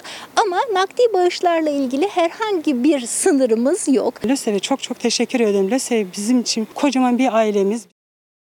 Bekleyip göreceğiz kurbanda bağışlar hangi vakıflara, hangi hayır kurumlarına gidecek. Birbirinden güzel bu konuda çalışan vakıflarımız var.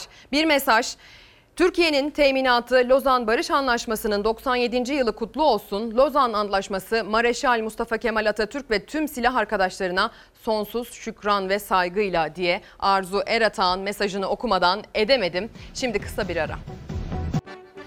Sevgili izleyenler şu dakika e, Fahrettin Koca Sağlık Bakanı bir e, bilgi açıkladı. Hemen okumak istiyorum. Türkiye genelinde bakanlığımız tarafından 150 bin kişiye yapılan COVID-19 tarama çalışmasında rastgele test edilen her bin kişiden 2,5'inde test sonucu pozitif çıkmıştır. Hepimizin iyiliği için dikkatli olalım. Hayat riske yenilmesin mesajını paylaştı. Biz de gündemden pek çok e, haberi sizlerle paylaştık sabah erken saatlerden bu yana. E, ve ekibimiz gerçekten hafta boyunca her gündem maddesine temas etmek için canla başla çalıştı diyebiliriz. Yarın sabah saatlerinde burada Kurultay özel yayını olacak. Kaçmasın. Akşam saat 19'da Fox Ana Haber tüm gündem maddelerine genişçe yer verecek. Pazartesiden itibaren İlker Karagöz burada olacak. Ben ise müsaadenizle kısa bir tatile çıkacağım. Diyelim sonrasında görüşürüz diyerek vedalaşalım. O zamana kadar hoşçakalın.